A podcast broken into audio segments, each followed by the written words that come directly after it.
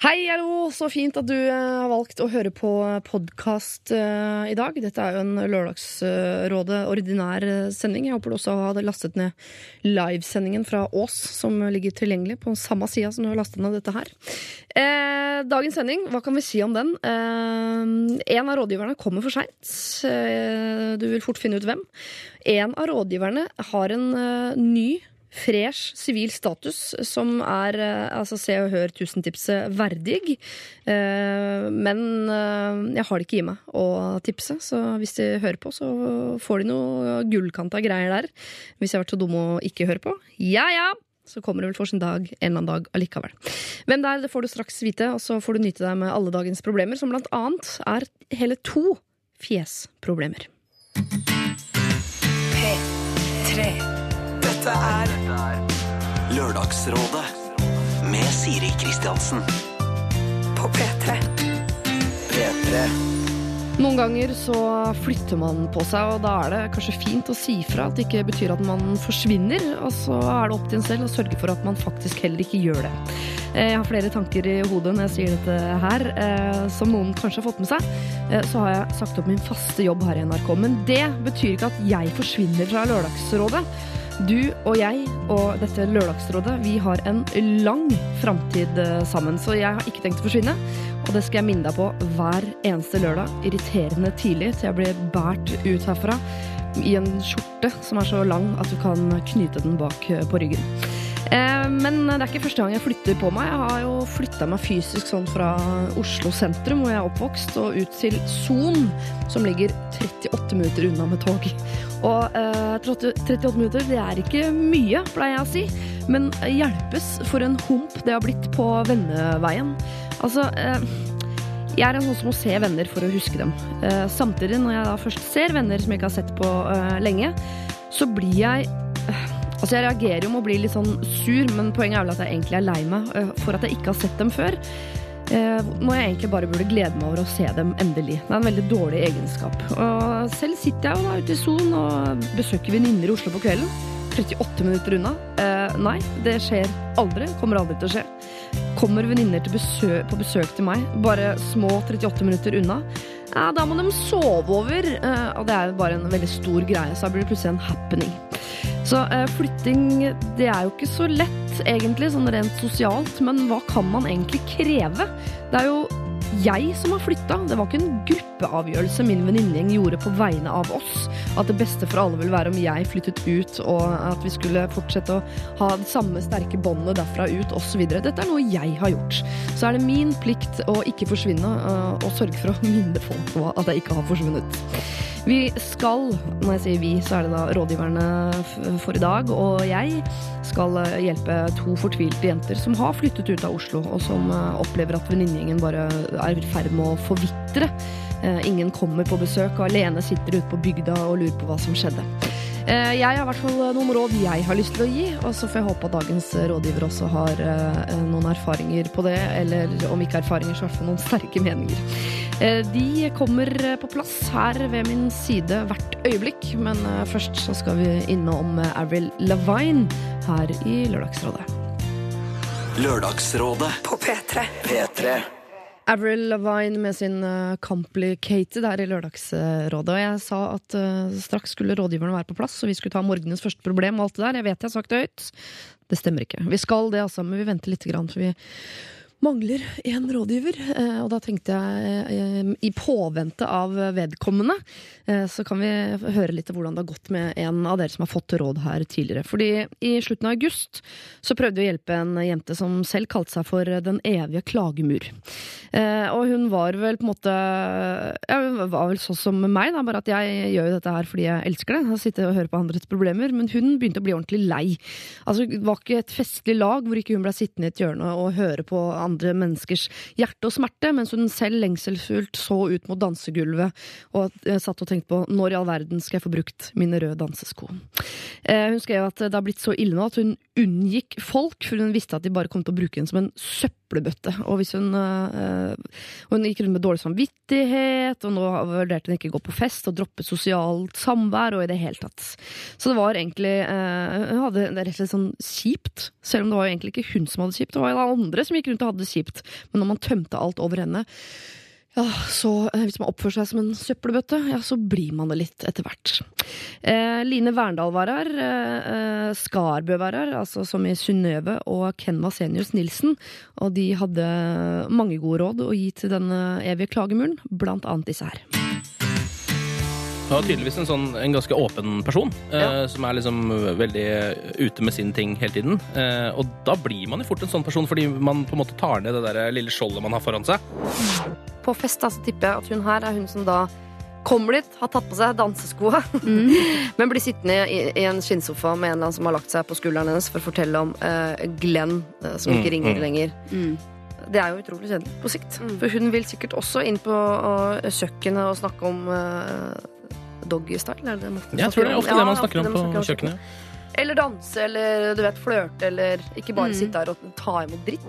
Det går for sånn at han flagger det liksom tidlig på festen hvis han kommer inn der og bare sier det litt sånn foran alle. Bare sånn, I dag gidder ikke jeg å snakke om noe trist, for jeg er litt sånn, jeg vil bare ha det gøy i dag. Eh, og så bare woohoo, få på noe uh, Iggy Azalea og eh, et par kjappe Dette er Lørdagsrådet På P3. P3. Juhu, litt Iggy Azelia og et par kjappe, og resten har vi valgt å ta bort. Eh, hun skriver til oss her, er det Lørdagsrådet. Tusen takk for at du tok opp mitt problem. Det var en kjemperar følelse å sette på radioen og høre mitt problem. Eh, du hadde så altfor rett, eh, Siri, at jeg er hun som drar på fest med danseskoene, og så må jeg høre på at en jente gråter over Glenn som ikke ringer. Men ikke nå mer, fordi jeg fulgte rådene deres til punkt og prikke. Jeg bestemte meg først for å prøve ut ett råd i uka. Så gikk jeg litt i surr i hvilke råd jeg holdt på med, så da ble det plutselig alle på en gang. Og det tror jeg ble litt mye for noen, men det ble kjempebra for meg. Så nå når jeg drar på fest, så gir jeg eh, faktisk fra om at jeg vil ha det gøy, jeg vil bli full, jeg vil flørte, og nå har jeg det kjempegøy på fest. Mest av alt trengte jeg faktisk bare å ta ansvar for min egen situasjon og ikke la ting gli helt ut. Det skjønte jeg da jeg hørte min egen mail bli lest opp. Så tusen takk for gode råd og god lørdag til dere. Med vennlig hilsen stor Lørdagsrådet-fan. Altså, jeg merker at jeg skulle ønske jeg var på den festen der hvor hun prøvde alle rådene samtidig og gikk ut med, uh, inn liksom i stua med flagget sånn ordentlig høyt hevet og sa ifra om hvordan hennes fest skulle bli. Uh, jeg tror jeg hadde fått litt bakoversveis uh, selv, men samme av det. hennes problem er løst, og det er derfor vi er her. Så hvis du sitter med et problem du tenker at du ikke har noen løsning på selv, ja, så kanskje vi har det. Send det inn. LR-alfakrøll. NRK punktum er vår adresse. Vi skal høre Calvin Harris. Dette her er eh, Blame. Dette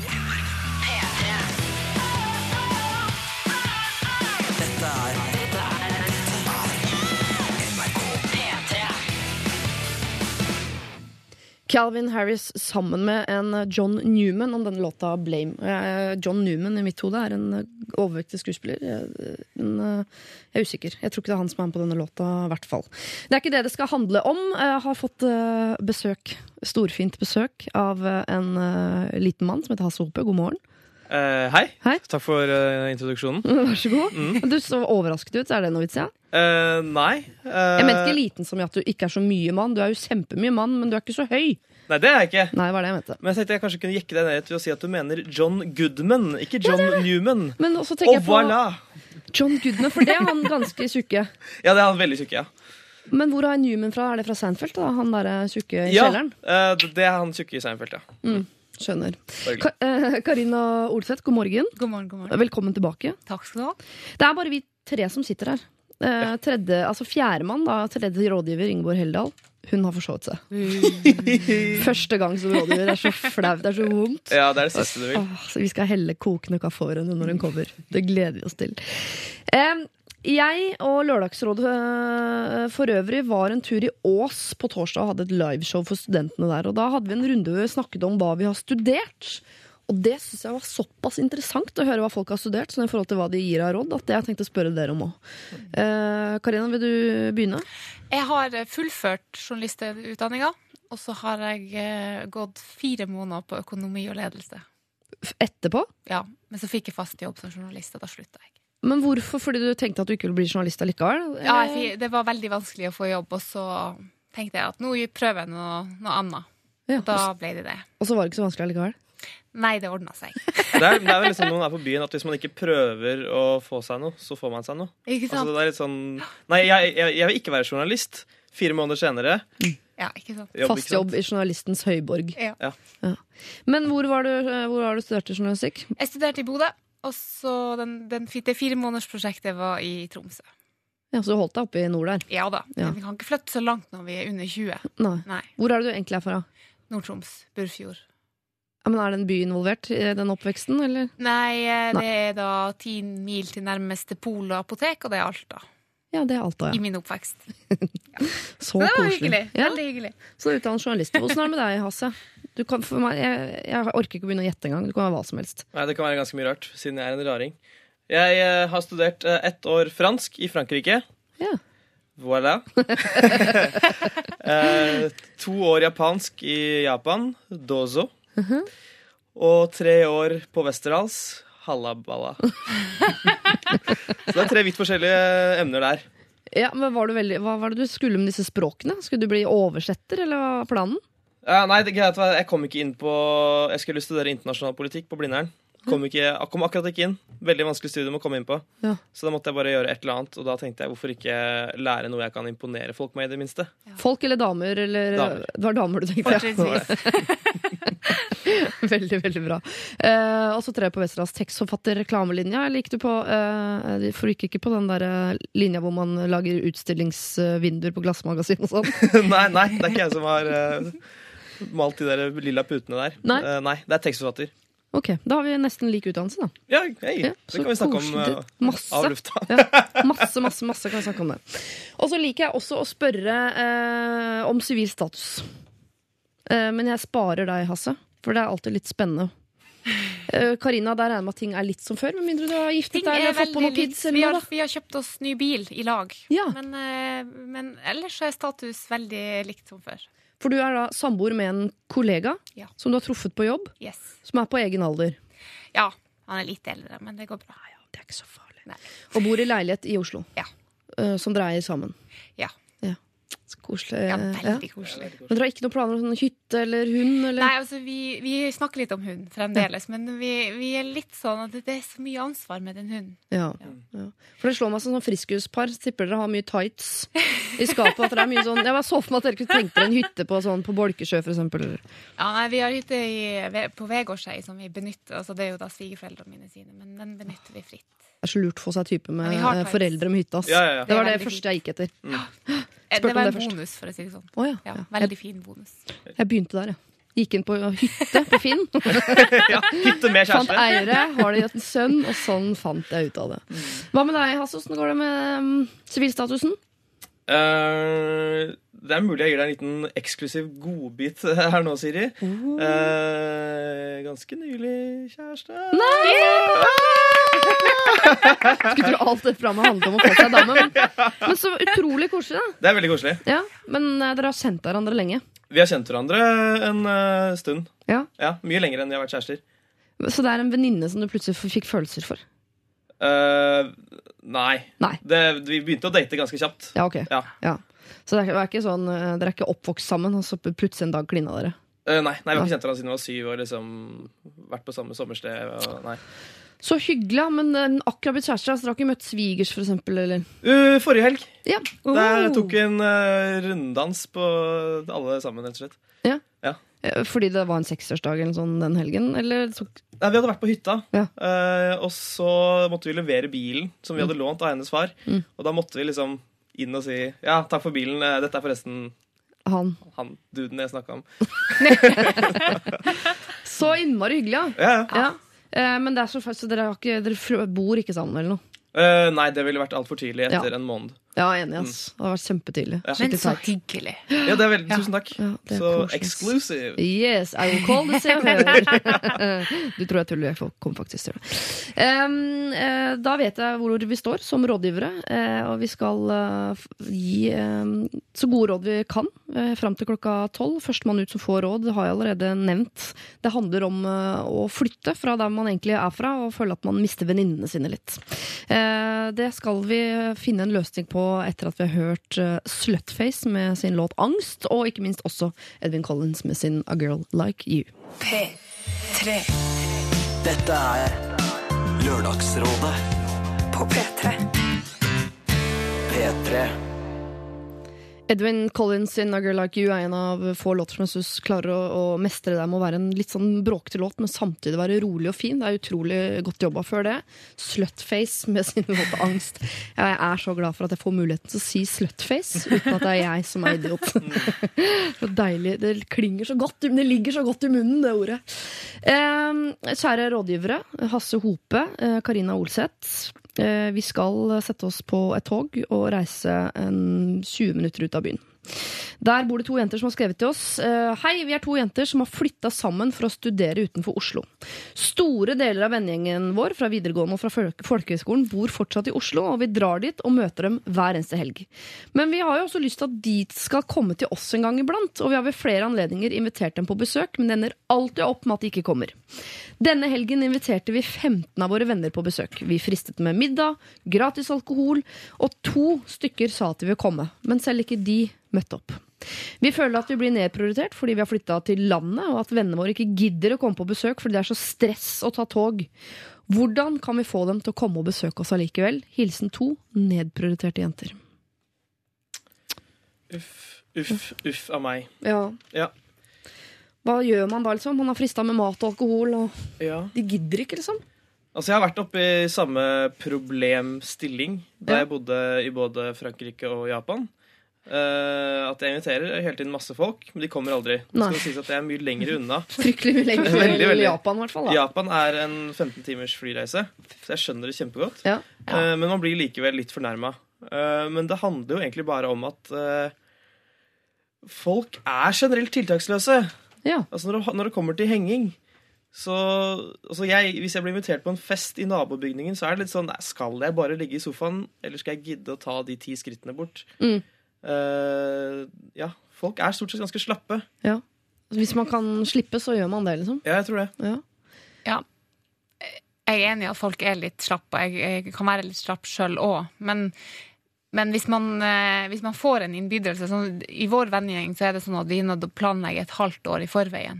Så Ja. kanskje det er liksom for de her to at gi, så lang, gi det så lang tid i forveien at man rett og slett ikke kan avbestille det når det nærmer seg en uke. Og det er veldig dårlig gjort at ikke vennene kommer på besøk.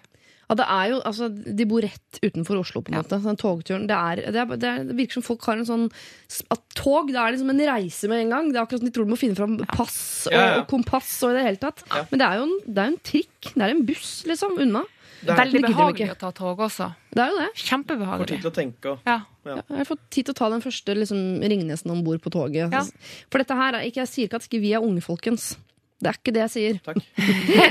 Men eh, de jentene her eh, har akkurat flyttet ut for å studere, så de er antageligvis eh, yngre enn oss. Ja. Ja. Så da må vi gå ut ifra at man må ikke planlegge et halvt år i vei, eh, forveien, eh, og man er ikke så glad i å ligge på sofaen. Jeg tipper de de er sikkert på fest hver eneste fredag og lørdag i Oslo, så de Ja. gjør nok sikkert masse greier. De bare de vil gjøre det i Oslo, og ikke 20 minutter utafor. Mm. Hvorfor er det, Det, det syns jeg rett og slett er dårlig gjort av vennene. Ja, Skikkelig dårlig gjort. Skal man si det, da? Ja. Hjelper det, liksom? Si at nå syns jeg dere er kjip. Skjerp dere. Hvis, hvis dere er ordentlige venner, så kommer dere Da kan vi komme litt ut av byen en gang. Her har vi kjøpt masse øl. Sikkert Ja. masse potetgull òg. Kanskje Ja. ta bilde av alt du har kjøpt, og kanskje kvitteringen. Ja. 648 kroner har jeg brukt på Kos med dere i kveld. Hvor blir dere av? Da får du dårlig samvittighet. ja. Så appellere til dårlig samvittighet. Det kan du gjøre. Ja. Men vi skal huske på at disse menneskene er unge. Nå skal ikke jeg si at vi ikke er unge. Nei, nei, sier vi ikke. Nei. Eh, Men eh, i den alderen så har man gjerne nettopp begynt enten i ny jobb eller på nytt studium, og da er det så viktig å være med på alle de sosiale greiene i begynnelsen. Mm. Hvis du hopper av det, det lasset der tidlig, så kan du ende opp med altfor få venner der du, oppholder, eh, der du studerer. da. Oh ja, så du vil gjerne si til de to nedprioriterte jentene at de må slutte å dra inn til Oslo, men heller fokusere på uh, altså, studentmiljøet der de er? Eh, For eksempel altså Det var litt for å unnskylde disse andre vennene. Oh, ja. Eh, Men ja, det er viktig at dere får dere noen eh, nye kule venner. Og så kan etter hvert så kan dere begynne å spleise disse to gjengene, og det er, det er, det er veldig mye gøy med det. ja. Um, Ja, for jeg tenker at uh, i den alderen der så mener jeg uh, at det er litt sånn det som er gøy, er at man hele tiden møtes og snakker om det som var gøy sist. Så det er en sånn, Den festinga man driver med liksom, uh, i den alderen, er veldig sånn kontinuitetsfesting. som er, Ja. Man møtes på fredag, da snakker man om det greiene som skjedde forrige lørdag. Og sånn, så Hvis man hopper av en uke eller to der, så må man hente, man huke seg på og hente seg inn igjen. Og det tror jeg er derfor de som er i Oslo, de må, de må dit det var forrige lørdag. For der var det en som klina med en annen. også. det er liksom en ja, jeg tror bare det er vanskelig å liksom bryte ut av det mønsteret som er Ja. fundamentet for gøy i de årene der. Da. Jeg, jeg skjønner, egentlig skjønner jeg ganske godt at de ikke setter seg på tog 20 minutter ut av Oslo for å, å, for å få noe gratis potetgull der ute. Ja. For man ikke at det, man kan ikke vite om det blir gøy. Så jeg tror man skal begynne i andre enden her, at disse nedprioriterte jentene skaffer seg et miljø der de er. Gjør at det er så gøy at de Oslo-folka ikke klarer å la være å komme ut. Når de gjentatte ganger har hørt om eh, Glenn med kølla og, Ikke sant? Du får Ja. de historiene der. Og Faen, Stian med kølla. alltid gjør det, og la, la, la, la. Får de historiene der. Ja. Da skal du se dem sette seg på tog med en gang. Tror du ikke det? jo, kom dere til Kølleby, herregud. Mm. Køllebyen, 20 minutter unna Oslo. Welcome to Bonertown. Oi sann! Nå har vi satt standarden. Det der skal filmatiseres. Jeg lurer på om vi sier det til dere nedprioriterte jenter. At uh, Vi skjønner at, er, at dere blir lei dere og gjerne vil holde på miljøet og sånn, men de holder på med sitt. liksom De sitter ikke og tenker på det. Og, uh, så, så dere må bare sørge for å ha det så gøy som overhodet mulig der dere er. Og på den måten uh, lokke til dere disse uh, vanedyra fra Oslo, sånn at de kommer til å be om å få lov til å komme og besøke dere om en stund. Det føler jeg meg ganske sikker på. Dette er Lørdagsrådet På P3. P3. Twin Atlantic, dette er med Brothers and Sisters. Og eh, god morgen, Ingeborg Heldal. God morgen. Du hvelva inn her på et eller annet tidspunkt eh, full av skam. Ja, jeg, vet jeg, nå er jeg er den dårlige venninna som sier at hun skal komme og ikke kommer. Så jeg er så fylt av skammen og at det er helt svart inni meg, men nå er jeg her i hvert fall. Jeg bare pumper på og leverer gode råd helt fram til klokka tolv. Så er Jeg man lover. tilgitt. Jeg lover. Jeg Ja. skal skjerpe meg skikkelig nå. Vi skal i løpet av um, denne Lørdagsrådet-episoden som vi befinner oss i, så skal vi ha to problemer i dag som handler om fjes. Eh, det, er ikke, det er over standard for Lørdagsrådet av eh, fjesinnhold i, i sendinga.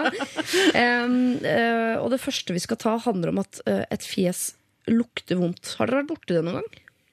Nei, kanskje hvis man har vært ute dagen før, hvor hele kroppen dunster, Ja. så kan også fjeset lukte vondt. Men jeg har aldri vært borti fjes som et isolert sted på kroppen som lukter vondt. Dårlig ånde, ja, men ikke Ikke fjeset. liksom snuse på kinnet, så lukter det vondt. Det har jeg aldri vært borti. Nei, Jeg har heller ikke hørt om det, men det er kanskje, eh, du har jo skjegg og bart, Hasse, så hvis Takk. det er noe eh, Det kan jo lukte. Eh, Er du det kan lukte lukte hvis man ikke er meg, som passer på å vaske det hver dag. Ja, bruker, bruker man sjampo, eller? Jeg bruker en uh, eukalyptussjampo som ikke er den samme jeg bruker i håret. Har du egen sjampo? Jeg har en egen sjampo. Og det, det, det avgir en sånn deilig lukt oppi nesen min hele dagen. Så Det er veldig bare- fristende å lukte på deg nå, kjenner jeg. Men den er jo lukte. ja. ja. Men er det skjeggsjampo, eller er det du som har funnet en hårsjampo som tenker dette passer bedre til skjegg, for det er eukalyptus, så holder jeg meg litt sånn våken hele ja, jeg lette vel og lenge etter noe som eh, du- du- dunstet av deilig eukalyptus på Ja. internett. Så fant jeg det til slutt. For det er det man bruker når man skal inn og se på lik og sånn, ja, så ikke man skal, da smører man sånn sterk eukalyptus under nesa. Ja. under nesa. Ja, det er som man gjør når man skal fly langt, i tilfelle sidemannen lukter vondt. Så har man ventilator med det her. Det har aldri hørt det om. har ikke jeg Veldig godt tips. Smart. Er det sånn man gjør når man skal hjem til Alta, for eksempel? For eksempel. Ja. Nei, det, er bare, det tar jo bare to timer. Men hvis du skal, eksempel, hvis du skal fly til New York, og så, så havner, altså Der er det jo crowded bestandig. Så Ja. du havner jo attmed en som Ja, Ved siden av Bjørn Kjos, og så er det bare sånn Oh my Nei, god. ja. Som var på fylla dagen før. Ja. Men da slipper du alle utenforstående lukter. Der er jo rådet allerede i boks. Eukalyptus under nesa. ja. Smøre det. Ja. Da hopper vi over neste problem. Eh, Vi skal rett og slett ta et fjesproblem, for her, eh, her er det en som har fått streng beskjed av sin kjæreste om at eh, trynet ditt stinker. Jeg vet ikke om han har sagt det sånn, altså, men jeg liker å snakke i overskrifter, og det skal vi prøve å løse hvert øyeblikk. Eh, Jeg tenkte vi skulle høre et problem som, eller en låt som jeg syns passer veldig godt til. Donkeyboy sin 'Crazy Something Normal' får du her.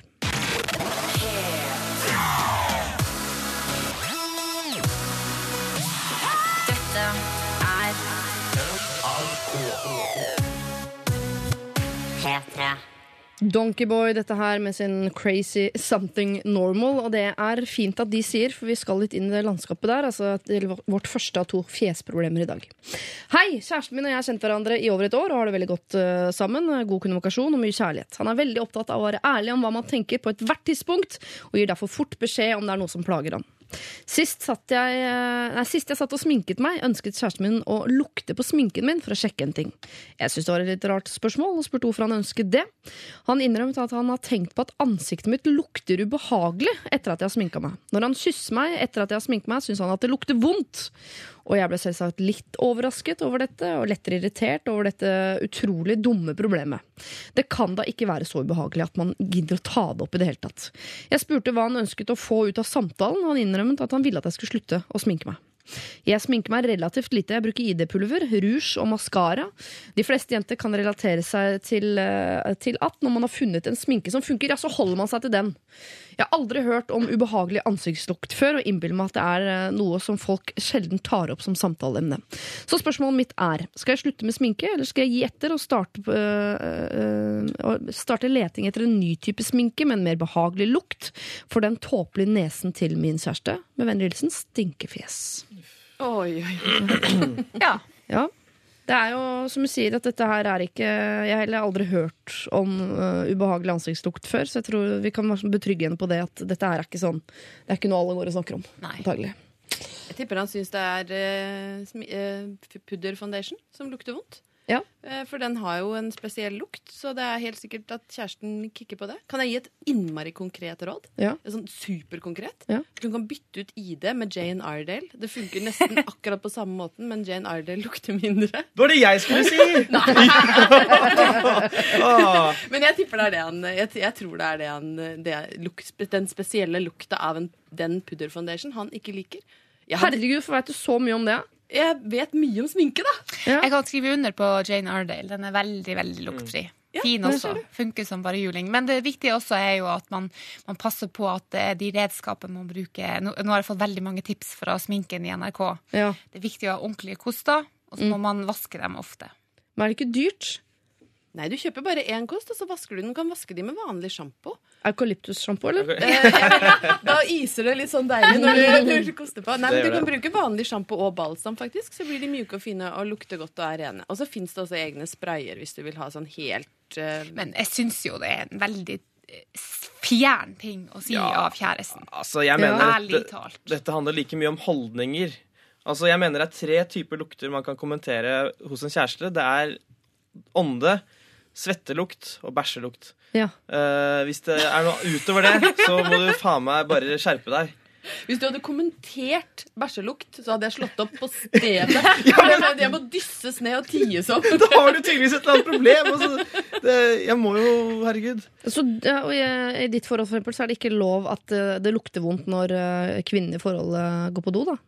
Det jo, jo, nå, nå snakker jeg om på selve kroppen. Oh, ja, altså, hvis, hvis ørene hennes lukter bæsj, Ja, da må man si ifra. da må man si ifra. Ja. Og det gjelder jo det samme for meg. Ja. Uh, jeg er jo mann og har en tendens til å kanskje lukte svette etter å ha trent. Ja. Eller bare ikke dusjet. Og da må man si ifra. Da må man si ifra. Ja. Jo, men uh, dette fjesluktproblemet er jo like prekært, selv om ikke det er like vanlig. Jeg skjønner at hvis jeg, hver gang, hvis jeg skulle inn og kysse min mann, han luktet vondt i fjeset, og du kommer jo ikke noe nærmere altså, da, Du må jo ha nesa ganske sånn godt planta opp i den andres eh, fjes. Så jeg, det er et problem, for da ville jeg jo kvia meg fra Det er det samme som om det lukter vondt av barten din. Nå vet vi at den lukter minty fresh til enhver tid, men, men hvis du skal inn et sted hvor det lukter vondt kanskje ti ganger om dagen, ja. Så er jo på det på en måte like reelt som om du lukter svette, hvis det virkelig plager han. Da. Kanskje Ja. han har en helt sånn oversensitiv eh, nese. Jeg holder meg til rådet om å bytte ut den foundationen, altså, selv om det er en Ja. fjern ting å si. Men eh, en annen ting som kan lukte veldig sånn Det, det er forskjellige hårsprayer. Elnet, det er en sånn her klassisk gammel eh, Den stinker. Og da, eh, når, den må jeg si fra på igjen sminken i NRK at den kan vi ikke bruke fordi at jeg, jeg blir kvalm og uvel av den. Ja. Uh, så det, men jeg, da mener jo kjæresten bør si at ikke trynet ditt stinker, men, men eh, du, jeg, jeg får litt kløe av sminkelukta di. At, Ja. at det er en veldig sånn klar antydning om hva det er som stinker her. Ja. Ja. Men det syns jeg han har gjort. Jeg synes egentlig han har gått fram veldig fint. For det vanligste i et forhold vil jo være at han eh, bare sysser mindre og mindre, og mindre Og til slutt så blir det slutt, og ingen skjønner hvorfor. Ja, det hadde vært Ja. trist. Ikke sant? Han har jo vært veldig real her. Han har gått liksom, litt sånn, eh, detektivmessig til verks her. Luktet i, eh, i, i sminkepungen hennes for å prøve å lokalisere hvor det kommer fra osv. Så, videre. så han har egentlig vært veldig Jeg syns egentlig at stinkefjeset her har litt for sånn voldsom reaksjon på at han tør å si fra om noe som ikke er vanlig å si fra om. Og det er vel fordi det ikke er vanlig at en med vond sminkelukt og en med sensitiv nese går sammen to og to i gruppe. Ja. Da. Nei, det er veldig rart. Én i en million, begge to. Ja, ja, det er noe sånt da. Det var jævla Ja. uflaks. Men han er jo veldig ærlig. Jeg er enig Ja. med deg i det. Altså det fordi jeg, jeg tror også at min mann hadde bare forsvunnet sånn rolig ut. En dag hadde han vært borte. Ja. Og jeg hadde sittet der med pudderfoundationen min og ikke skjønt hva som skjedde. Hvorfor? Why am I single? Så sånn sett så må han jo applauderes litt for å Ja. Og så jeg Ja. tror ikke han sa eh, 'fjeset ditt stinker'. Nei, det var det jeg som høres ut som han har liksom sagt dette på en fin måte. Så egentlig bør vi applaudere den ærlige mannen litt. Ja. Ja, takk. Ja. Jeg bare håper ikke det er en sånn her, uh, Han vil at hun skal slutte å bruke sminke. At det er Nei. sånn, at egentlig vil han det generelt, for han er en sånn ikke. harvest dude from the nature som uh, vil ha kjæresten sin så pur og ren som overhodet mulig. Ja. Og så bruker slå. han dette Den som en sånn dårlig Nei, det håper jeg ikke. Og så vil jeg, jeg ville, Hvis de klarer å løse dette problemet, så kan han etter hvert begynne å bruke kallenavnet Sminky Stinky. Å ja. uh, og da er det noe de kommer til å le av i mange år fremover. ja. Og så er det sånn Ja, husker du da du lukta sminke? Haha, sminke stinker. Jeg hører det i bryllupstallene. Ja. Ja. vi kalte deg jo sminke Stinker. Ja, nei, dette her tror jeg ordner seg, altså. Og jeg skjønner det der med at eh, du har funnet ditt pudder og sånn. Ikke overvurder sminka. Sminke er sminke. Det er ikke noe sånn, det er ikke hav av forskjeller på hva som er bra og hva som er dårlig. Uh, Så ta bytt lukt på neste pudderdåse du uh, kjøper deg. Er det en grunn til at det la heter mannen pudderdåse? få lov til å du, snuse litt på pudderdåsa. Å, den er fin! Den er veldig Den er fin. Oh, skulle bare gått, skulle bare gått ut der. Du, eh, faktisk så er jo det en eh, finansiell mulighet til å lure seg unna ting her på. At du sier at eh, da får han kjøpe det pudderet han syns lukter godt, og så har han en eh, unnskyldning til å gå rundt og, og, og sniffe dåse, da. Det er jo det han egentlig vil. Lykke til, stinkefjes. Eh, Du må bare få bort det der med stinke, sånn at du eh, sitter igjen og heter bare fjes. Lørdagsrådet med Siri Kristiansen. På P3. P3. Team Me with both my hands covering Jeg gidder ikke. Det er den låta. Finner sjæl. Når du har knota etter de første tre av 46 ord i låttittelen, ja, vet du hva? Da gir man opp. Eh, kjære rådgivere, Karina Olseth, Ingeborg Heldal og Hasse Hope. Eh, vi eh, har jo allerede snakket om bryllup i dag. Eh, Vi nemlig anser at eh, frøken Stinkefjes kommer til å gifte seg med kjæresten sin bare hun bytter foundation. Eh, Nå er vi over i et parforhold som har kommet seg dit. De skal gifte seg. Det er en mann som skriver inn her. Kjære Rådet, jeg har funnet drømmedama. Vi har reist jorda rundt sammen. Vi elsker hverandre. Vi skal gifte oss. Og nå sitter vi med gjestelista. Vi kjører utradisjonell stil, som jo egentlig har blitt veldig tradisjonelt nå, og skal invitere 300 personer til en nedlagt ølbryggeri for å arrangere tidenes fest. Vi inviterer alt og alle, vi. Favorittlærere, gamle kompiser, folk vi har møtt på reiser, barndomsvenner som vi ikke har kontakt med. Eh, Og i den siste kategorien der så finner vi Ståle. Jeg og Ståle var bestekompiser på barneskolen, men gikk eh, ned hver vår sti på ungdomsskolen. Jeg forble en flinkis, mens Ståle utforsket knark og både hard og myk sort. Han hoppet til slutt av ungdomsskolen og har så vidt jeg vet ingen utdanning utover barneskolen. Jeg har ikke hatt kontakt med han siden, men har hørt via andre at han er inn og ut av fengsel hele tiden. Jeg vil gjerne ha han med på festen fordi han var bestekompisen min i mange viktige år av mitt liv. Men nå veit jeg ikke hvem han er. Klarer han å la være å knarke når han er omgitt av fulle folk? Klarer han å la være å ta noe fra veskene som kommer til å ligge slengt rundt? Klarer han å la være å slåss? Vi aner ikke. Kanskje han er en stabil fyr som bare har havna i ulykka? Kan han inviteres, eller må vi droppe han? Stor klem fra Tore og kona. Tore, for en fyr. Bare det han skrev nå, så kjenner jeg heldig hun som skal gifte seg med han. Ja, for Nå er jeg usikker på om du skulle gå i negativ eller positiv Nei, retning. Ja, men du det liker Nei, jeg ble helt rørt over eh, den rause, gromme, fine Tore. Mm. Som hadde så mange gode tanker om barndomsvennen sin Ståle. Da fikk jeg skikkelig klump i halsen. Ja. Men det er bra, for jeg skjønner behovet for at når man skal ha en sånn stor feiring, så har man lyst til å bare invitere alle man noensinne har vært glad i. Men så skjønner jeg også frykten hans, selv om den for alt vi vet er helt ubegrunna. Men Ja. Jeg tror at når Ståle, kom, eh, når Ståle får en, eh, en innbydelse fra sin beste venn i barndommen, mm. og at han til tross for at Han vet jo sikkert at han har vært litt eh, på gal side.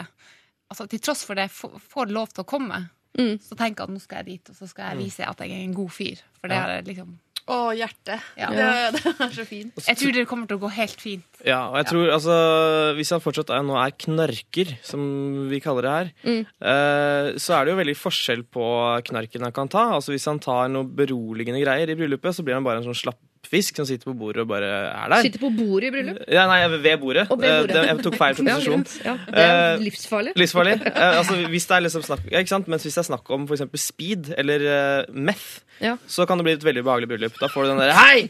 Vi var bestevenner! Hva faen? Jeg, Du kom ikke i mitt bryllup! Hvorfor er det Mens hvis han er, liksom, har tatt eksempel Herro, så er det mer sånn uh, Jævlig bra at du har bryllup. Ja. Og det er greit. Ja, Men kan han eh, på forhånd spørre sånn Ståle, takk for sist. eh, Jeg kunne tenke meg at du kom i bryllupet, men jeg lurer på, kommer du til å dukke opp? Eh, er det hasj, meth, eller hvor, hvor ligger vi på, på knarksida her nå? Kan man spørre om de tingene der? Ja, Det blir jo en begynnelse med noe hvor han forhold, er, da. Jeg, jeg fikk jo inntrykk på mailen til Tore at han ikke helt visste hvor Ståle var hen i verden akkurat nå. Jeg tror kanskje detektivvirksomheten min hadde begynt der. Hvor er Ståle? Lever Ståle? Er, Sitter han sitter han inne? inne nå? Mm. Er han, kanskje han er streit igjen? Finne ut hvor, hvor Ståle er først. Og så tror jeg faktisk at jeg hadde prøvd å snakke med Ståle. Eh, For jeg tror også Ståle blir rørt. Av Tores store hjerte, som virkelig ønsker å ha med Ståle i, i bryllupet. Men samtidig, da, eh, man kan jo tenke seg sjøl Hvis Ståle da kommer i Metrus, stjeler penger fra alle veskene som er der, mm. ødelegger hele bryllupet med disse 300 gjestene, så er jo det helt krise. Det det er er krise. Det er krise. Og jeg tenker til og med, Selv om Ståle blir rørt, og intensjonen hans er å komme og kose seg med et glass Genever og høre på talene og holde seg i ro, liksom, så kan det hende at han også på et tidspunkt bare eh, ikke orker mer. For de de andre i klassen er der. Vet altså Reunion Ja. som kan være tøft for en svak sjel. Og da tenker jeg at Det kan kanskje være koselig helt fram til desserten, og så bader Ståle på et eller annet tidspunkt. Og i et uh, bryllup så er det jo ikke bare lommebøker, sånn, men det er jo gaver. Forrige bryllup jeg var i, så fikk bruden, eh, eller brudeparet sikkert, et pengetre hvor folk hadde festa på tusenlapper på et sånt tre som var laget av binders eller noe sånt. Og du skal ikke være narkoman for å få litt lyst til å høste Litt frukt. sånn- Nei, det ville vi alle gjort. Det ville vi alle gjort, tror Ja, jeg. det er jo på nippet til å tenke sånn Ja. Taxi hjem blir jo fort en Tar et seks-sju tusenlapp her. Jeg tar med meg et blad fra det dag. der. Altså, Jeg har et tips, og jeg tror dette vil bli stående som mitt beste tips i dag. Ja. Det vil ettertiden vise. Til dette vise. problemet, eller generelt? Til generelt i hele dag. Ja. Uh, det du skal gjøre, Jarle, eller hva, hva han heter, Tore. Tore, er at du skal eh, invitere Ståle på et såkalt mock wedding først. Der du eh, har med kona, noen få utvalgte gjester på et lite sted. Sier 'dette er bryllupet mitt'. Og så, så er det ikke egentlig et bryllup, men du ser om han klarer å oppføre seg. Setter av kvelden til det, drar på et bitte lite sted og har fest. Klarer han det, så klarer han det store eh, bryllupet. Er ikke dette vanlig i Amerika? Ha sånn rehearsal dinner? Jo, det er rehearsal dinner med Ja. Ståle. Ja. Og det er en åpning for bruden, kvinnen i Tores liv, til å få to kjoler. Ikke sant? Vinn-vinn. Vinn-vinn. Ja, ja, ja. Ja. Jeg har trua på det gode i menneskene, så jeg, jeg er helt sikker på at Ståle kommer til å oppføre seg. Altså. Men du syns ikke han skal testes på forhånd?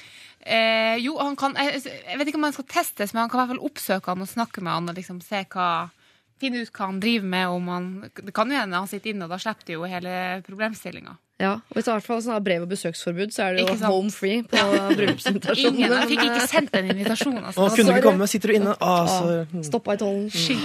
Jeez. Men eh, jeg syns også eh, at man kan ha en sånn eh, For jeg liker konseptet å gjøre noe lite før noe stort. Altså, jeg har jo tidligere prøvd å lansere eh, predate som et konsept. At hvis man skal på en stor date, så bør man møtes dagen før og ta en øl. Bare for å liksom eh, ta bort det kleine, sånn at dagen etter bare er hyggelig.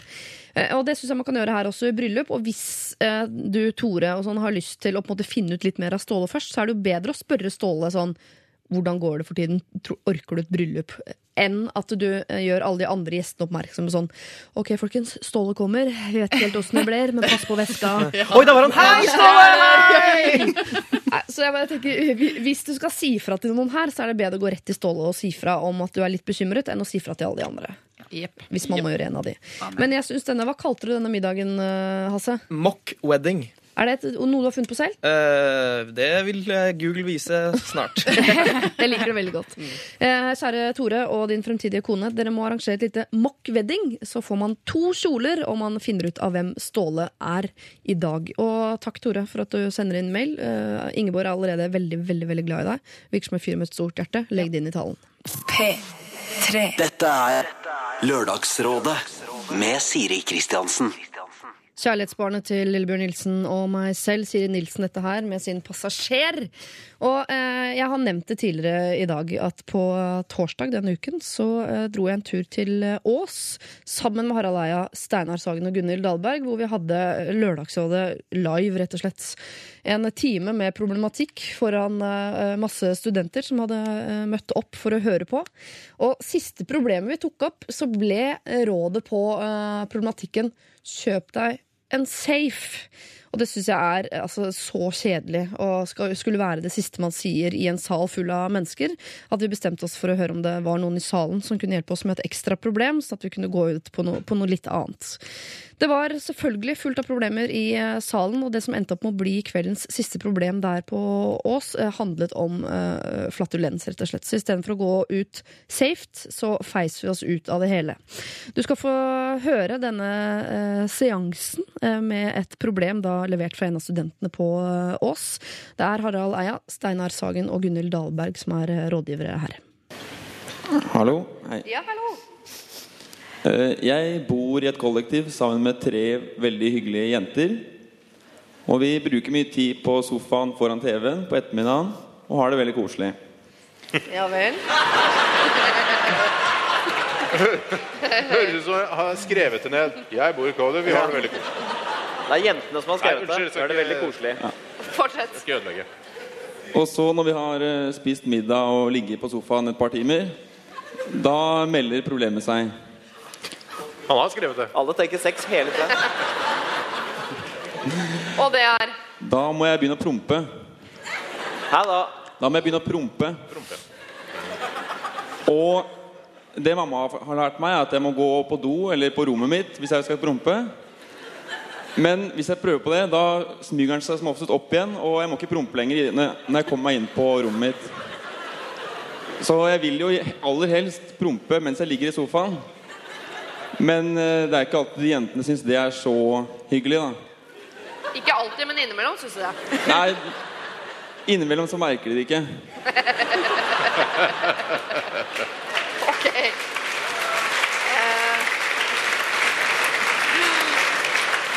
Som en Skal vi eh, vite oss på safe, eller skal vi Nei, nei. Oh, nei, nei. Jeg har masse løsninger her. Masse løsninger. Ja. Hvor, er, vi bare, er det dere som bor sammen? For dere lo ekstra mye? Nei, okay. Nei, de bare elsker prompehumor. Jeg kjøper en safe. er. Så hva kan, hva kan du gjøre for å ja, klare å prompe hele tida uten at det, det skal bli noe problem? Altså, Jeg, triks sorry, ja, Ja. Jeg, bare, for at jeg tenkte på en oppfinnelse her en dag som jeg ser er rart at det ikke fins. Som er en omvendt prompepute. Nemlig en pute du kan prompe ned i, som gjør at lyd og lukt forsvinner. Jeg er sikker på at alle jenter hadde kjøpt det. Og hatt det som sånn tilfeldig pute i sofaen. Som man kan fise i, og så veit man at det blir lyden. For lyd forsvinner jo når man Ikke rør på pute. fiseputa til mor. Nei, Du må ikke si at det er det. Du sier jo at det er en vanlig pute. Men alle, alle i familien veit at det er fiseputa. Ja, ja. Med sånn filter inne som du kan ta ut og sånn. Men altså, jeg skal eh, Ja, jeg kan ta eh, Altså, eh, prompeteknisk, det kan jeg en del om. Fordi, altså For du sier at du, du promper noen ganger, og noen ganger lukter ikke. Og det er jo sånn så Jeg vet ikke om alle er klar over det, men det er sånn at hvis man har, eh, nettopp har vært på, på do, eh, så lukter ikke prompen etterpå. Altså når, når ta, på en måte, ytterste delen av tarmen er, er tom, da kan man prompe relativt luktfritt. Men det er klart når du, rett før du skal på do, det er da prompen lukter. Så bare ha det som en slags sånn uh, Navigasjon. Ja, navig Som ja. en slags fise-GPS. Ja. Men ja, så bare så alle er klar over det, så det er, det er greit. Men det har nå kom, er, Har du noe å si Jeg har et øh, Jeg, vil bare, jeg fyller ut etterpå, for jeg er Jeg bare, bare fyll ut nå, for jeg har, jeg har på en måte løsningen etterpå. Men Ok, Da kommer jeg en løsning jeg som ikke er perfekt. Ja. Som jeg brukte i kollektivet. Hvor vi hadde sånn der, For å tenne stearinlys, sånn der, sånn der tenner. Lighter. Lighter, men sånn lang lighter med tut. Ja, sånn Ja, ja, ja. beis... Peisgreie som vi hadde for å tenne stearinlys sånn. Ofte satt man i sofaen og lekte litt på den. Leke med den rolig. Helt slapt inntil sånn. Vi vet jo at dette er brennbare gasser. Fjerner all lukt. Det er ikke noe morsomt tips, men det er tips som funker. Det fjerner jo lukta, men det fjerner ikke det at alle er klar over at nå er eh, Frank kvise igjen aktig. For det, Jo, man ser jo ofte- eksplosjonen og Ja, den, den, det blir ikke noe. Jo, det kan, det kan bli det. Det kan bli det. Det kan bli det. Kan bli. Men eh, så føre svaret, da. Eller har du hva, Nei, Jeg først det fra en jente så hva du tenker. Så vil jeg bare foreslå at han tok lyster, da. Til uh, Sette deg f.eks. mens han er på skolen i storefri, eller hva det heter her. Har dere storefri? Mellom setter eh, i heimkunnskapen. Til lunsj, og da har man jo tømt tarmen innen man kommer hjem, og da kan man jo egentlig ligge og fise uten at det lukter resten av kvelden. Da. Man sa jo at man spiser middag, så legger de seg på sofaen sammen noen timer. Ja. Og så melder det seg. Ja. Men hvis tarmen var tømt før det Å ja, for da er den middagen er ikke, Jeg er ikke så god på det der. Nei, det er sikkert ikke kommet helt ned. Da. Jeg vet ikke, Steine, du kan få ta ordet, du som har løsningen. Nei, ja, dette er, altså, det kommer til å bli en ny sånn eh, det er safe, Kjøp en safe. Det er det samme. Fordi eh, på, eh, Nå vet ikke jeg om Google følger mye altså hva jeg søker på, sånn, eller det gjør de. Men jeg får veldig mye annonser på, eh, for en butikk som heter Et enklere liv. Og Har dere sett det i det siste? Det er en sånn eh, altså det er rett og slett en truse du kan ta på deg som nøytraliserer prompelukt. Nei! Er det sant? Det er jo det, det er bare å gå på et enklere liv, gå på enklere og så er det, og det altså, Illustrasjonen er eh, hvis jeg, kan, jeg bruker deg, Harald. Illustrasjonen er som dette. Dette, er- dette er helt sant. Eh, Bøy, sett deg ned på Eller bøy deg fram. der Stå sitter litt sånn. Og illustrasjonen er en mann som står bak, og en dame som har på seg denne trusa. Og så står mannen sånn. Og det er altså det, det blir litt sånn Det er litt kjedelig svar, det òg. Det er sånn kjøp en safe og kjøp den antiprompetrusa. Det altså, så enkelt er det. Ja. Men det er det beste rådet her i kveld. Et enklere liv ligger på Ski storsenter. Det er jo kjapp gang herfra. eh, Og der har de Hvor lenge er det åpent? Rekker vi det nå? Altså, Etter opp til ni. ja. ja. Ja. Nei, det er faen. Det er kjørt. Kjøp en safe, kjøp antiprompetruse. Mm. Eh, tusen takk for i kveld. Kjøp safe og kjøp fisetruse. Eh, og gjør det bra på eksamen. Ja. Takk for oss.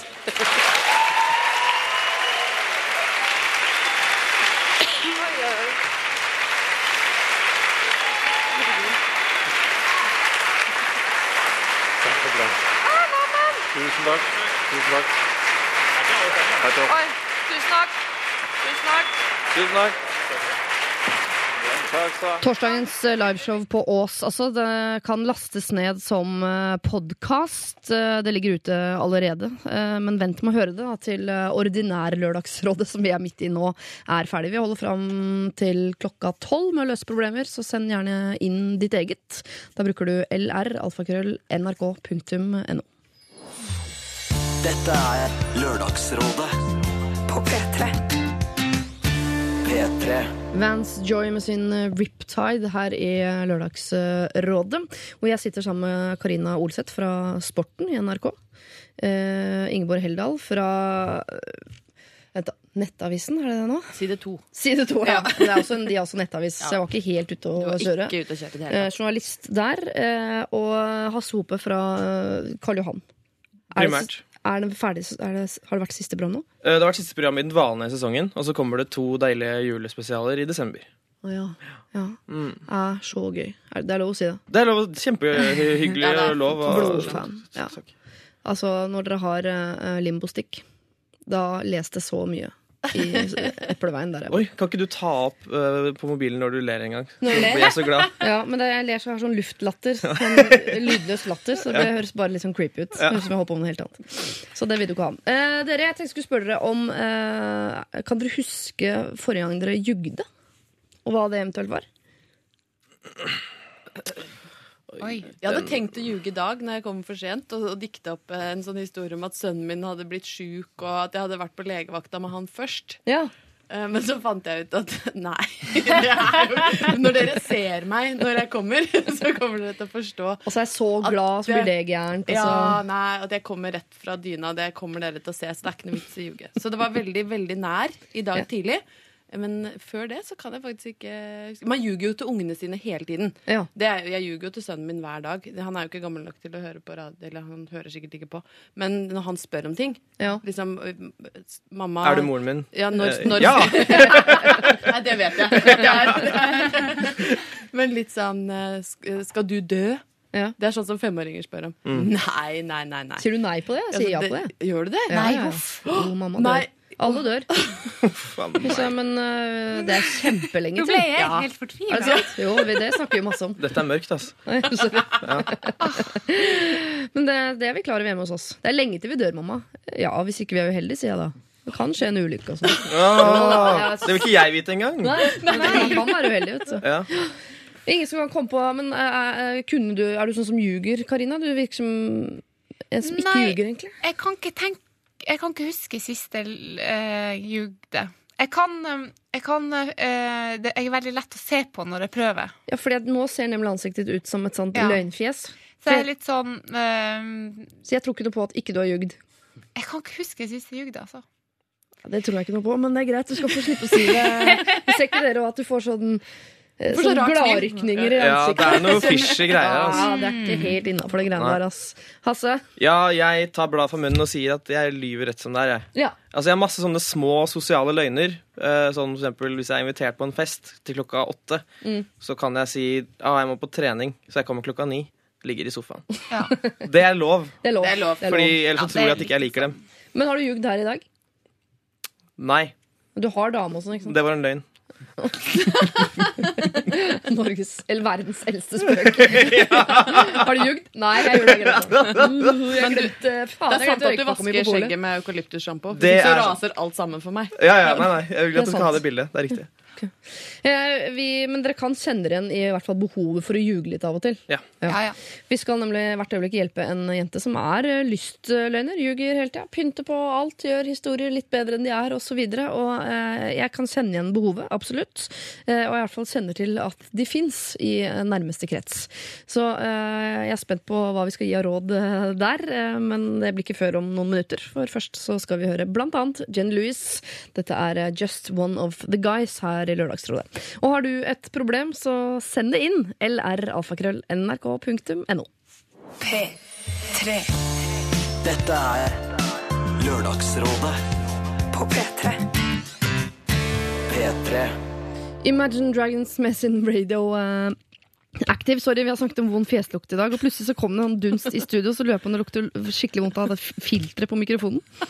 Så kom det veldig, eller om det er min ånde som slår inn mot mikrofonen og treffer meg tilbake. Så det kom bare rar, rar lukt. Eh, Olseth, du er rådgiver her i dag. eh, skriver du Karina med C? Ja. Ikke sant? Bra. Da legger jeg ut bilde av dagens rådgivere. Karina med C. Ingeborg Heldal, den har jeg inne. Og Hasse Hope. Det er også ganske greit å Det skrive. er kjempelett. Eh, Bildet av oss ligger på Facebook. Jeg vet at du ikke er helt happy med det, mm, eh, Ingeborg. Fordi Nei, jeg har du kom for seint i dag og rakk ingenting. Aldri sett verre ut Nei. enn på det bildet. Så, men det er, vær så god, dette, dette byr jeg på denne lørdagen. Eh, se Ingeborg Heldal så stygg som jeg ikke trodde det var mulig på Facebook. Syns du er er- vakker, og nå lyver jeg ikke. Ja, jeg ser det nå. Hvorfor Nei. smiler du så lenge? Du ser litt trøtt ut, men det er på det jevne. Det er, ikke, det er ingen her som kommer til å liksom, ta med seg dette bildet inn i framtiden og tenke der, der, der skinner jeg. men det ligger nå i hvert fall der. Eh, hvis noen vil se, da. Dere, vi skal Jeg kunne ha jugd og sagt eh, finfint, finfint, eh, fineste bildet jeg har sagt. Men det, er, det er jo ikke sant. Eh, ikke til noen av oss, egentlig. Eh, vi skal hjelpe en lystløgner. eh, Som har skrevet en lang mail til oss hun skriver Hei, jeg har et problem. Jeg pleide å være, og til tider også er, en lystløgner. Jeg har blitt en del bedre til å ikke fortelle usannheter de siste åra, men den gamle meg dukker fortsatt opp i fylla.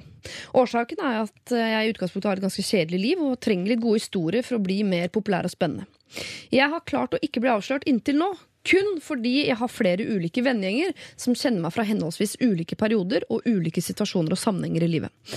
Problemet mitt er at jeg i år blir 30 år og føler jeg bør ha en større fest hvor venner fra ulike gjenger naturlig nok vil samles. Hittil har jeg aldri hatt en stor fest, men feirer bursdager flere ganger med ulike vennegjenger. Kun fordi jeg er redd de skal snakke sammen og bli kjent på tvers av gjengene mine, slik at jeg blir avslørt. Lønnene mine dreier seg hovedsakelig om gutter og erfaring på den fronten. Jeg er 30 år, men fortsatt singel og har vært det hele livet. For å få alle til å slutte å spørre om hvorfor jeg fortsatt er singel, sier jeg ofte at jeg har noe på gang med en fra jobben eller lignende. Jeg ser for meg at barndomsvenninnen min eh, kan si noe sånt. Ja, jeg hører Lisa holde på med en på jobben. Hvem er det, da? Til en kollega eller lignende. Og det er også veldig mye annet jeg har løyet om som kan ende opp med å bli rare situasjoner, dersom de i så måte skulle ende opp med å snakke om meg. Spørsmålene mine til dere da er Skal jeg holde den store festen jeg egentlig har veldig lyst til, og risikere å bli avslørt, og at festen ender med større pinligheter, eller skal jeg la det være? Bør jeg fortelle sannheten til mine venner nå, eller la det fortsatt være en tikkende bombe fram til pappa holder tall i bryllupet mitt, hvor han sier at datteren min har aldri hatt kjæreste før hun møtte Anders? Mens alle vennene mine i bryllupet hører på. Jeg er en idiot, jeg vet det, men det er vanskelig å endre fortida. Jeg setter stor pris på råd fra dere, med vennligheten Lystløgner, 29 år gammel singelkvinne. Fikk jeg skikkelig sympati for henne. Ja. Jeg kjenner meg, ja, Du får sympati med alle, du. Ja, men jeg kan liksom kjenne meg igjen i, i den situasjonen og ønske å krydre historier og gjøre Mm. seg sjøl litt mer spennende. Og så har hun jo liksom jugd seg inn i et hjørne. Og nå har det blitt en kjempefortvila situasjon hvor hun ikke kan blande gjenger og kanskje ikke feire sin egen 30-årsdag. Det første, det første jeg hadde gjort, er å antaste en kollega ved kopimaskina for å liksom få ferdig den der at jeg har noe på gang med en på jobben. Det, Ja. det er inne, Da har du den. Ja. Da slipper du å være bekymra. Prøver liksom med litt sånn brannslukking her og der, så det blir mindre Prøver å gjennomføre noen av de små løgnene før denne festen. Ja. Det er jo Mm. ikke så vanskelig å få klina med en på jobben. Nei, det burde gå greit. Ja. Aldri fått det til. Det tror jeg ikke noe på. Nå jugde du. Aldri klina med noen i NRK. Jeg må tenke. Ja. Nei, jeg tror jeg ikke jeg har. Bare si ifra. Så det er, det er faktisk mulig. Og for alt vi vet, så jobber hun på eh, Max Burger i eh, Lørenkrysset.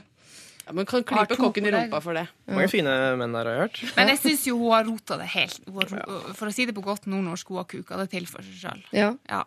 Hvordan kom man seg ut i en sånn kukete situasjon? Altså, det handler jo, altså, jeg kjenner meg veldig igjen, fordi jeg gjorde litt det samme da jeg begynte på Westerdals. Eh, for da hadde jeg vært i helt andre miljøer, studentmiljøer, Mm. og fortalt uh, mye rart. Litt sannhet og litt løgn. Mm. Uh, og så begynte jeg der, så tenkte jeg nå kan jeg bare skape den feteste personligheten noensinne. Fordi ingen av disse folka kjenner mine venner. Så da gjorde jeg det. Ja. Og bare braser inn døren. 'Halla, folkens! Jeg er 1,75, minst!' uh, og så er det sånn 'Hei, kul fyr! Han er høy!' Uh, og det, det funka jo en stund, men Ja. på et tidspunkt så skjer jo det som hun beskriver her, at du må blande gjenger. Mm. Og da er det bare å Men hva gjorde du når dette skjedde? Etter hvert så begynte jeg å bli ærlig. Jeg Men var det noen som noen gang tok deg på de løgnene, da?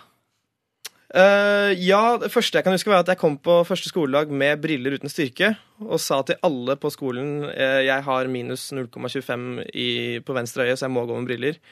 Eh, og etter hvert så var det noen som var sånn Du Fordi det gjorde deg mer spennende, føler du? eller? Ja, det så kult ut på den tiden. På 2008. Westerdals, vet du. Ja, ikke sant? Så det var, den første løgnen min var liksom det første folk så. Ja. Det er modig. Det er modig. Det er modig, altså. Mm. Men har du da avslørt det, eller tenker du at For det kan være at de som trodde du eh, brukte briller, nå tenker at du bruker linser, eller har du sagt fra? Uh, det var noen som begynte å si fra etter noen dager, og så, så tok jeg bort brillene. Og så sa jeg nettopp det der, at ja. jeg har linser med 0,25 i styrke. Ja. Ingen som trodde på det heller. Ingen som trodde på det, nei. Dårlig løgn òg. Ja, kjempedårlig løgn.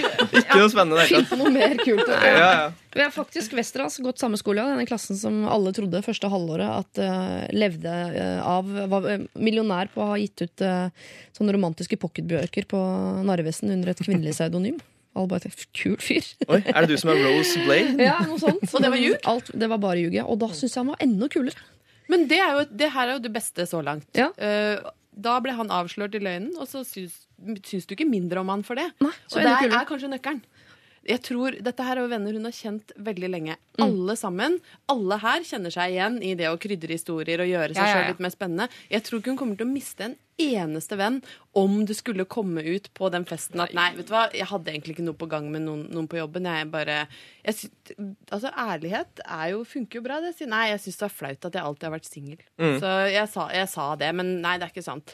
Men da burde hun vel avsløre løgnen selv, for det, det som er krise her, er hvis hun blir sånn halvveis ferska og hun prøver å ro seg ut av det. Det er da man blir usympatisk. Jeg tenker at eh, løgn er greit. Avsløre en løgn, veldig gøy. Gjør det selv hele tiden. Jeg synes Det er det morsomste med å ljuge, er å si at man har ljugd. Eh, og det mener jeg her at innsender har all mulighet til. Det hun ikke må gjøre, er å ha denne festen. Og hvis hun merker at oi, nå er jeg i ferd med å bli avslørt, så Mm. pøser hun på med nye løgner oppå for å, å uh, prøve å komme seg ut av det. Da begynner det å bli sånn det å bli litt sånn tåpelig. Men hva med sånn klirr på glasset da på festen? Alle er der. Ding, ding, ding. Bare si Hei. Uh, hva, jeg vet ikke hva hun het, da, men jeg heter Lise. Jeg, er nå 30 år, jeg har aldri hatt kjæreste. Så kan hun bare fortelle alle løgnene i et slags morsomt lite kåseri. Mm. Ferdig snakka. Ja. Nå kan vi drikke, og så kommer alle til å hylle henne Ja. Som morsom morsom og ærlig. Og her, her er Sivert Høyem, uh, leida min. Hør på det her. Ja, nå har vi fest, dere! Men jeg mener, hvis, hvis den verste løgnen er at hun ikke har kjæreste, så vil jo altså Det er jo en sånn ting som alle kan føle seg igjen i. fordi at hvis du er den eneste i vennegjengen som ikke har kjæreste, så, så Altså, alle har kjent på den følelsen av at du er litt utafor, og det er et eller annet galt med meg, og sånt. Så, hvis det er det verste, så er ikke det noe farlig, altså. Kjør på med 30-årsdag. Jeg tror hun kommer til å eh, øke ganske hardt i liking òg. Hvis man viser Ja. noe sårbarhet i det og sier sånn Jeg har hatt så lyst til å ha noe gående på jobben. Jeg har fortalt at jeg har det. Det har jeg ikke. At man på en måte er litt sårbar. Sånn, nå er jeg 30, eh, jeg har Mm. jugd masse. Gjør det morsomt, men sårbart. De kommer til å elske henne. Alle Hun- hun elsker en angrende synder. Ja, ja, ja. Og hun kommer til å få kline på den 30-årsdagen. Garantert. Ja, ja, ja. Jeg hadde klint meg bare for sånn det der. Hvis det ikke blir noe, så får hun ringe en av oss. Så garanterer vi klining på 30-årsdagen. Så velger om du vil ha med eller uten bart. Det er opp til deg. Eukalyptusbart. Ja, her stiller opp, jeg. Eh, du, eh, selvfølgelig skal du ha fest, og du skal blande gjenger. Og du skal holde den talen du er redd for at pappaen din skal ha i bryllupet, der du skal gifte deg med denne fiktive Anders. Det er du som skal holde den talen, og du skal være eh, morsom, eh, du skal være sår, og i løpet av kvelden så skal du ha klina med minst to gode venner. Drømmefest. Drømmefesten blir det, det er jeg helt sikker på. Å feire 30 år er noe av det morsomste i hele verden, så det er du bare nødt til eh, å gjøre. Jeg vil veldig gjerne vite hvordan det går, så etter denne 30-årsdagen så vil jeg ha en lang, utfyllende mail hvor du forteller Jeg vil gjerne ha hele talen hvis den er skrevet, så så jeg kan eh, se hva du har sagt, og jeg vil vite reaksjonene til folka på festen. Eh, og jeg ønsker bare lykke til fram til det. Vi snakkes.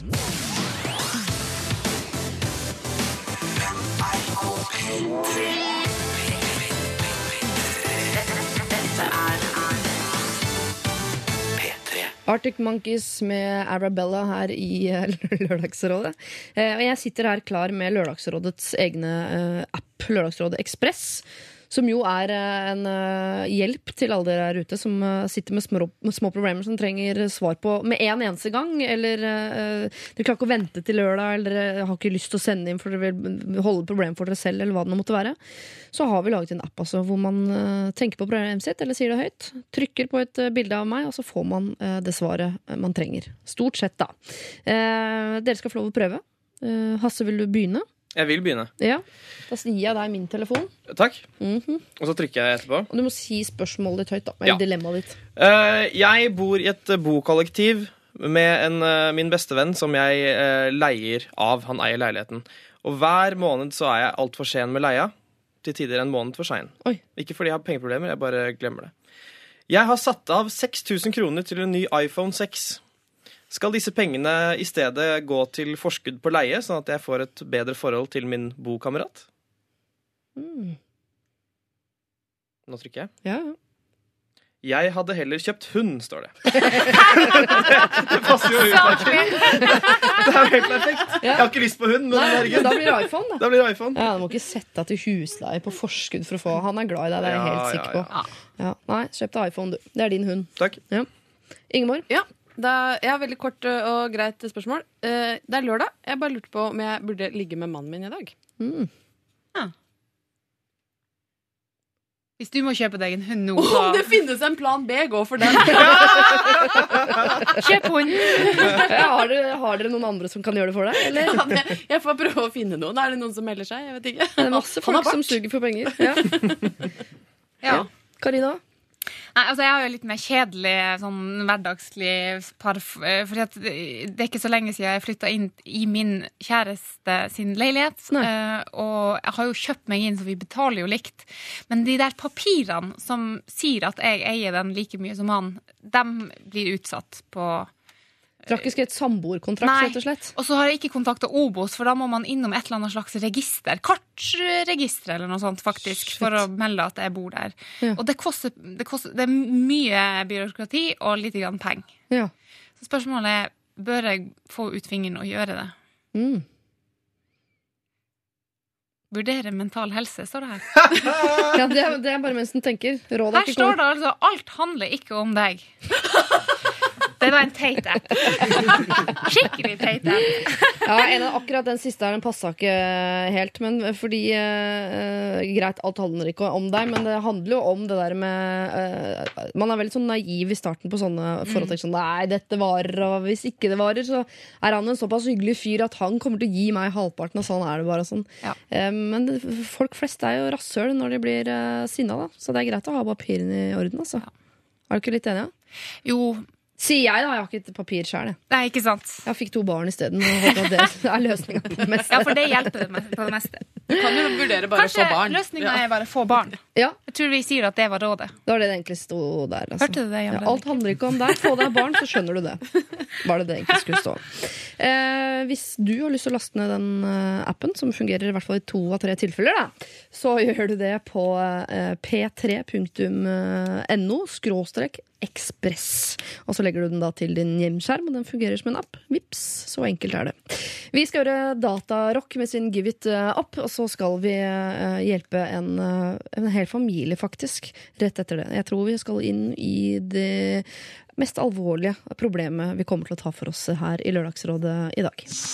Lørdagsrådet med Siri Kristiansen. På P3. P3. Datarock, Give It Up eh, fikk vi der, og vi skal over til et problem eh, hvor vi på en eller annen måte skal prøve å hjelpe en hel familie. Gode råd. Min far har fått diagnosen Alzheimer. Ingenting kan være kjipere. Hele familien må omstilles for å gjøre de siste årene med pappa like gode som årene før dette. Alle er på lag, bortsett fra mamma. Hun innser og skjønner hva dette vil si for hennes liv, men nekter resten av familien å gå ut med nyheten. Dette må vi holde for oss selv. Galskap, mener jeg.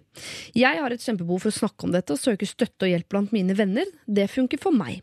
Mamma derimot bærer alt alene. Ingen av deres venner vet noen ting, og slik må det bli. Mamma har en forklaring som jeg ikke klarer å argumentere mot. Mannen i et vennepar av foreldrene mine fikk Alzheimer for noen år siden. Den der isbøttesykdommen, vet du. Nei, als fikk han. Jeg oversatte det til, beklager. Eh, alle parene eh, i min foreldres vennekrets stilte opp for dem og tok godt vare på dette utsatte paret, helt til det ble jævlig. Da tok vennene mindre og mindre kontakt, og til slutt døde mannen. Uten å ha sett noen venner de siste årene. Kona ble alene de siste åra og har nå endt opp på eh, sykehus og eh, har fått mye problemer i etterkant. Visene endte ikke godt for dette venneparet, og mamma er livredd for eh, at vennene deres skal vende henne ryggen også. Historien viser at disse vennene gjør det. Det kan jeg ikke argumentere mot, men hvordan kan jeg få mamma til å oppsøke hjelp og tørre å snakke med vennene sine om det? Vi må uh, få lov å si dette til våre venner, ellers er jeg redd eh, mamma kommer til å havne uh, i bakken og hjerteinfarkt. Hun jobber seg i hjel med å dekke over sykdommen til pappa, og hun lykkes faktisk ganske bra så langt. Men en dag snur det jo, pappa kommer til å bli skikkelig syk, og da går ting til helvete uansett. Jeg vil bare at mamma skal ha det bedre enn det hun har det nå, men hun trenger et knuff i ryggen. Jeg har prøvd alt, og er desperat etter råd til hvordan jeg kan få henne til å åpne opp og be om hjelp. Broderlig klem fra meg. Altså, hun vil hjelpe moren sin, men moren vil på en eller annen måte eh, eh, ikke ha hjelp. Skjønner dere? Jeg har al eh, Alzheimer i nær familie. Eh, det er en sykdom som er helt umulig å skjule. Ja. Så de her vennene eh, vil få vite det uansett. Um, og da er spørsmålet skal man være forberedt for det som skjer når du har Alzheimer. Altså det, det, det, da kan den, denne faren da plutselig stikke av og springe tur og nekte bekjentskap med alle, bli sint uten å altså Det er en grusom sykdom. Ja. Um, og hvis mora ikke skjønner det, at eh, det, det, det, går, det er rett og slett helt, helt umulig å skjule. Ja. Så det, det må bare hun få mora si til å forstå. Vennene kommer til å, å forsvinne uansett, hvis det er det at de forsvinner i det ting, i det ting blir stygt. Ja, så det, på, en, på et eller annet tidspunkt så løser dette problemet her seg på, eh, av seg selv på en Jo, eller annen måte. Jo, men det er jo ikke det hun burde gjøre. Nei. Altså, det her burde jo folk få vite om. Og hvis vennene er sånn at de stikker i det, i det en familie virkelig sliter og trenger dem, så Da er det ikke venner. Nei, det Det, høres venner. ut som de har veldig veldig dårlige venner, og foreldrene. Og da tenker jeg at da ville jeg jo heller støtte meg på familien. Ja. Eh, Det som skjedde med det andre venneparet, burde jo si noe om denne vennegjengen, som ikke høres ut som de topp vennene du vil ha. Du vil jo ha venner som stiller opp når, når ting blir vanskelig. Eh, Men, men jeg skjønner jo at hun syns det er utrolig vanskelig, for hun sier hun har prøvd alt, og mor vil ikke forstå. Og mor er da sannsynligvis fra en generasjon hvor de var litt mer opptatt av å holde ting i familien, og du skal ikke være til bry, og du skal ikke Mm. plage andre rundt, fasaden må Ja. opprettholdes. Det er jo fryktelig vanskelig når hun har låst seg helt eh, helt i det at ingen skal vite om dette, selv om det er umulig å skjule. Men så tenker jeg selv om, ja, Vi kan godt være enige om at den vendingen deres er eh, dårlige venner. og alt det der Men la oss si at disse foreldrene her er i, de er i 70-årene.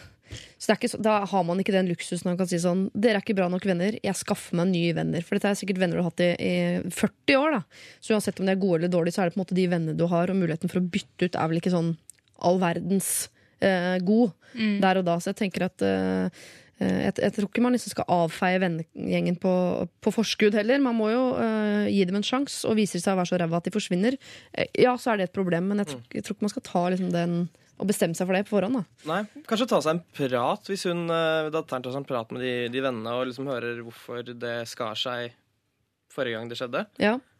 Eh, At hun kan gjøre det. Ja. Altså med, med sine foreldres venner. ja, og bare si problemet til dem at uh, mora mi er dritredd for det, liksom. ALS er jo også en sånn type sykdom der du ser sykdommen. Mm. Uh, du ser jo ikke på en med Alzheimer at de er syke. Uh, så eh, det kan også være en sånn Det kan være en grunn til at de vennene trakk seg unna, fordi at det er for hardt å se at en person de er glad i, bare rett og slett bare forsvinner mer og mer. Men de har jo forsvunnet fra uh, denne kona til den som var syk også, for hun sitter alene igjen og er ikke Ja. venn med disse menneskene lenger. De høres jo helt for jævlig ut, spør du meg. Men, uh, Ja, den forstår jeg ikke. men uh, innsender her sier at hun har prøvd alt, men en ting hun ikke har gjort, som jeg lurer på om dere mener er greit at hun eventuelt kan gjøre. Hun har jo ikke gått imot sin mor, for moren har sagt dette er ikke noe vi skal gå ut med. Og da har de ikke gjort det. Skal de eh, overkjøre morens eh, vurdering på det og si sånn jo, og gå ut og si det? For hvis de sier det til vennene, så er det sagt. Jeg ville gjort det. At du ville bare overkjørt uh, mor på det? Fordi man tenker Fordi at, uh, det mor også man tenker på at uh, det kommer til å skje ting her som gjør at vennene snakker uansett. Og da kan det hende at de heller legger til den at nei, nå surrer han, har han begynt å drikke? Eller, altså, du, du får sånne tillagte grunner til at man oppfører seg sånn som man gjør. Fordi at du oppfører deg jo ikke normalt når du har Alzheimer. Så eh, det er egentlig sånn det, det fører det bedre at man får det ut, hva det er som feiler han. Man er jo vant til å, å høre på mor. Det er jo, vi har jo vokst opp med at det, det mor sier, er riktig. Vi må gjøre Mm. det som mamma sier. Men hun er jo voksen. Og i dette tilfellet her så har mor, mor tar feil. Da kan, syns jeg at man som voksen kan bestemme at uh, nei, jeg gjør ikke som du sier, fordi du tar feil. Og da må de stole på at barna har rett i det. Og hun kommer kanskje til å bli lei seg, såra, sint. eh, Ja, for Man risikerer jo å miste et godt forhold til moren sin, så plutselig er moren helt alene. Da har hun mistet uh, mannen, har på, en på en eller annen måte forsvunnet litt, vennene forsvinner, og så har hun et dårlig forhold til barna sine i tillegg. Ja, det er en forferdelig situasjon. Men, men uh, man kan jo si fra, og så bare være der for mor. Men er- kanskje, hva med å kontakte liksom typ, eh, fastlege, da? Sånn, vet du, mine foreldre har jo, ofte, har jo hatt et nært og tett forhold til fastlege i mange år. De har bodd på samme sted. Sant? Kanskje det er en person hun ville stole på og høre på. At datteren kan ta med moren i en, prøve å få en, en samtale med fastlegen som faktisk kan si at vet du hva, du tar feil. Dette her kommer ikke dere til å klare å skjule. Det er mye bedre å være proaktiv og, og Mm. snakke om det. Så, så tror jeg dere kommer til å få støtte fra, fra vennene deres. Altså finne en, en sånn utenforstående person som moren vil høre på. Da. Og da er fastlegen kanskje det letteste for å si til en på 70 at nei, nå mamma, nå skal vi i terapi. Det er, det, det er jo som å si at de skal bli kokt i olje. Det, det, er, det er mye tryggere å gå til fastlegen og, og få råd av en de har kjent lenge og som de stoler på. Ja. Det syns jeg er et godt råd. Ja. Må rett og slett bare velge det, det beste av to onder her. Og jeg tror det er å bare ja, si Men det. eh, det står jo ikke noe om hvor eh, syk eh, pappa er foreløpig. Men tydeligvis er det i starten av sykdommen her. Hun sier at dette kommer bare til å bli verre og verre og verre. Eh, har ikke far eh, noe han kan gjøre i dette? I, han har jo noen klare øyeblikk. Går det an å henvende seg til han, eller er det helt Kommer an på hvor syk han er.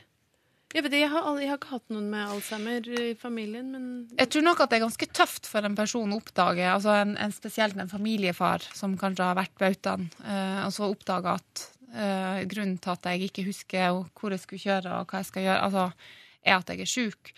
Eh, men det virker jo her som om den sykdommen har kommet så langt at han egentlig ikke har Han regnes ikke. Nei. Nei, Det det, det, står det ikke. noe om. Det, det, det eneste vi får, liksom at, det er, uh, at det kommer til å bli mye verre. Så tenker jeg at han kanskje er Ja. på et stadie der hvor han innimellom har noen klare øyeblikk.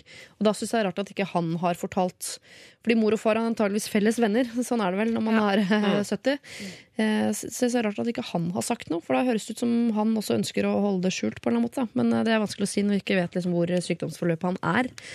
Eh, jeg syns jeg hører på dere, og jeg kan også stille meg bak at her tror jeg vi bare må være enige med at mor tar litt feil. Og grunnen til at mor tar feil her, er at hun syns det er vanskelig. Men det er ikke et godt nok argument egentlig for å la være. Så her kan du, eh, syns vi, eh, få lov til å overkjøre mor litt og gjøre det hun ikke er komfortabel med, nemlig snakke med de rundt dere eh, om denne sykdommen. Og be om hjelp og be om støtte, og så får man bare eh, håpe at folk er bedre enn det det eh, på en måte historien viser at de har vært tidligere i miljøet rundt foreldra dine. Og du skal i hvert fall få lov til å snakke med dine venner om dette her, for moren din kan ikke nå styre hva, eh, hvordan du søker støtte og hjelp blant dine venner. Hvis det funker for deg, ja, så er det det du skal gjøre. Men du må også gjøre det på vegne av din mor, har vi nå eh, nærmest bestemt, føler jeg, her i Lørdagsrådet. P3. Dette er Lørdagsrådet med Siri Kristiansen. Lido er det som eh, sto for eh, vokalen i denne låta. Han har antageligvis også lagd eh, hele smæla sjøl, kjenner jeg den rett. Låta heter I Love You, så har vi hørt Marit Larsen. I Don't Want To Talk About It. Eh, dere, vi skal ta en runde rundt bordet på Dette er ikke vanlig, det er fordi vi, skal, vi knytter opp med et problem seinere. Jeg stotrer litt i dag, det beklager jeg. Nei da. Det går bra. Ja, det går bra. Eh, er det noen Jeg skal snakke saktere, fikk jeg beskjed av læreren min, Meri Andersen på Bjølsen skole. Back in the days. Er det noen av dere som har tatovering? Hvor, hva, hvorfor, hvorfor ikke? Ja. Ja, Hei! Oi! Foxy Lady. Ingeborg Heldal har eh, Er det puma eller gepardmønster? Leoparden. Ah, leopard. Leopard. Hvor stort er det? Nei, ikke så fryktelig stort. Jeg, Så vi bare toppen av et nei da, liksom jeg skal lage den nedover hele ryggraden, men jeg har begynt her. Altså, ja, høyre skulder er sånn halvdekket med Ja. mønster. Ja. Er det fordi du identifiserer deg med uh, le leoparder? Gud, nei. Det, det har vært grusomt hvis jeg hadde sagt det. Jeg føler meg som en leopard. Jeg var nok det i mitt forrige liv, ja. Reinkarnert som en døll hedemarking, men jeg er egentlig en puma. Gjorde jævlig dårlig jobb som puma, kan du se.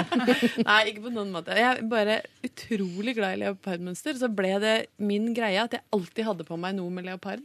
Sko, genser, kjole, undertøy, jakke. Og så tenkte jeg at det er slitsomt å alltid ha, å finne noe klær, så jeg tatoverer det rett på skulderen. Så har jeg alltid litt leopard. Men jeg føler meg absolutt ikke som en leopard. Mer som et dovendyr. Det har jeg bevist i dag. Ja. Men du skal ha det nedover hele ryggraden. Du har, ikke, du har begynt på skulderen. Skal det gå fra begge skuldrene og møtes ned som en slags T, og så nedover mot rumpesprekk? Eh, nei.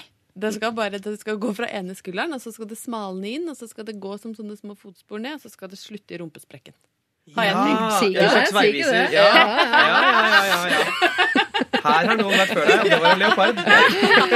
Så det er egentlig han jeg er gift med, som er en leopard. Jeg er et lite dovendyr. Han har tatovert tissen, så det blir gøy. Eh, Karina, du sa også ja på Ja. tatt spørsmål. Vi vil se de nå. Eh, Den er på, den er på ryggen, og jeg orker ikke å vise den fram. Eh, Da jeg ble 20 år, så Ja. fant jeg ut at jeg skulle ha eh, en tatovering nederst på ryggen. Eh, Og det er da en eh, et, et, et type Det er da en steinbukk, men det ser ut som et sånt monster, egentlig. Fordi at jeg født i Er det en tramp stamp nederst ja, i og det som er litt interessant, er at jeg fant ut at det kalles for tramp stamp. Det fant jeg ut for halvannet år siden. Så jeg har gått rundt med sånn tramp stamp i ti år uten å egentlig vite at det var det. Og det som er, det som er greia, at Forklar tramp stamp. det, det er Hvis du har tatovering nederst på ryggen, så er det tramp Ja. Ja, for det betyr at han er løs på tråden, eller er det sånn det? Altså, po eh, poenget er, er jo at jeg ser jo aldri den der tatoveringa. Den plager meg jo ikke i det hele tatt. Men mm, den som ser det, er jo kjæresten min. Ja. Oi, nå fikk hun et eh, sånt lengtende blikk. To og en halv gang i uka. Og fordi du da har tatt tatovering på et sted som kun kjæresten kan se, så er du en tramp? Nei, jeg vet ikke. Jeg tror det her var litt sånn 90-tallsfenomen. og det er veldig mange av mine jevnaldrende som har tatovering akkurat der. Og det, Av steinbukk? Nei, ikke av steinbukk, men at de har det der. At det gjerne var litt sånn tribal-greier. Ja, og sånt. keltisk mønster. Ja. eh. Um, så jeg har jo tenkt på om jeg skal fjerne den, men jeg gidder ikke det, for jeg ser den jo aldri. Nei, jeg skjønner. Men du sier at den ser litt ut som et uh, monster, så det vil si at du prøvde å tatovere liksom en naturtro steinbukk, ikke liksom et symbol for steinbukk eller noe sånt? Nei, jeg prøvde vel egentlig bare å ta en Ja, for- tatovering. Det var ikke så. Men var det du. Tatoverte du den selv? Sånn Nei, det var, i- det var i Bodø, Ja, okay. da jeg studerte der. Og det var litt sånn eh, eh, fordi at jeg ble 20 år og endelig kunne bestemme det sjøl. Er det 20-årsgrense på tatovering i Nei, Bodø? men jeg hadde en, en, jeg hadde en kjæreste på den tida som, som nekta meg. Som var biker? Han syns, Ja. Nei, han syntes ikke det var noe særlig. Han syntes, hvorfor, hvorfor skal du ha hva du skal med tatovering? Ja. Ja. Og så ble det slutt på en veldig stygg måte i jula. Ja. Og jeg har bursdag i januar, så da tok jeg den. Ja. kan man sitte der. Jeg tenkte kanskje det var sånn eh, ritual i Bodø, sånn at en sjaman kommer når du er 20. Ja, nå er du 20, nå skal du få steinbukk! Symbolet på Neida. alderdom. Men det som er litt morsomt, er at eh, det er jo ingen som ser den. Eh, Men der jeg jobba før, så eh, i en avis, så var det en litt eldre kar som Som, Som så den? som jobba Ja, for at jeg, jeg hadde litt sånn der, litt sånn lav, lav buks Ja. Lav på livet, ikke sant? 60-bukser. Og så, ja, antagelig. Og så gled genseren opp, og så sier han 'Hva i helvete, Karina, har du KrF-logoen på ryggen?' Så det, det kan hende det ser ut som en Rett over rumpa. Ja. Det hadde vært gøy, da. Om det var det det var. Men på stranda også syns den jo antagelig. ja, det gjør den. Ja. Men du ser den ikke. Jeg ser den ikke. Nei. Den eksisterer egentlig ikke for meg. Eh, Hva, men så du angrer heller ikke egentlig så veldig, da? Nei da. Nei. Det var nå det jeg gjorde da når jeg var 20. Hasse? Min hud er ren. ja. Men jeg har planer om eh, å få meg en tatovering når jeg er 30-ish. Ja. Eh, Og det skal være av eh, professor Tornesoll fra Tintin-universet. Men hvor gammel er du? Jeg er 28, så det er ikke lenge til. Da er du 30-ish, da. Eh, ja. Men du skal ha altså, en tegneseriefigur. Hvor, sa du? Eh, Jeg sa ikke hvor. Nei. Um, det kan dere bestemme. Send den til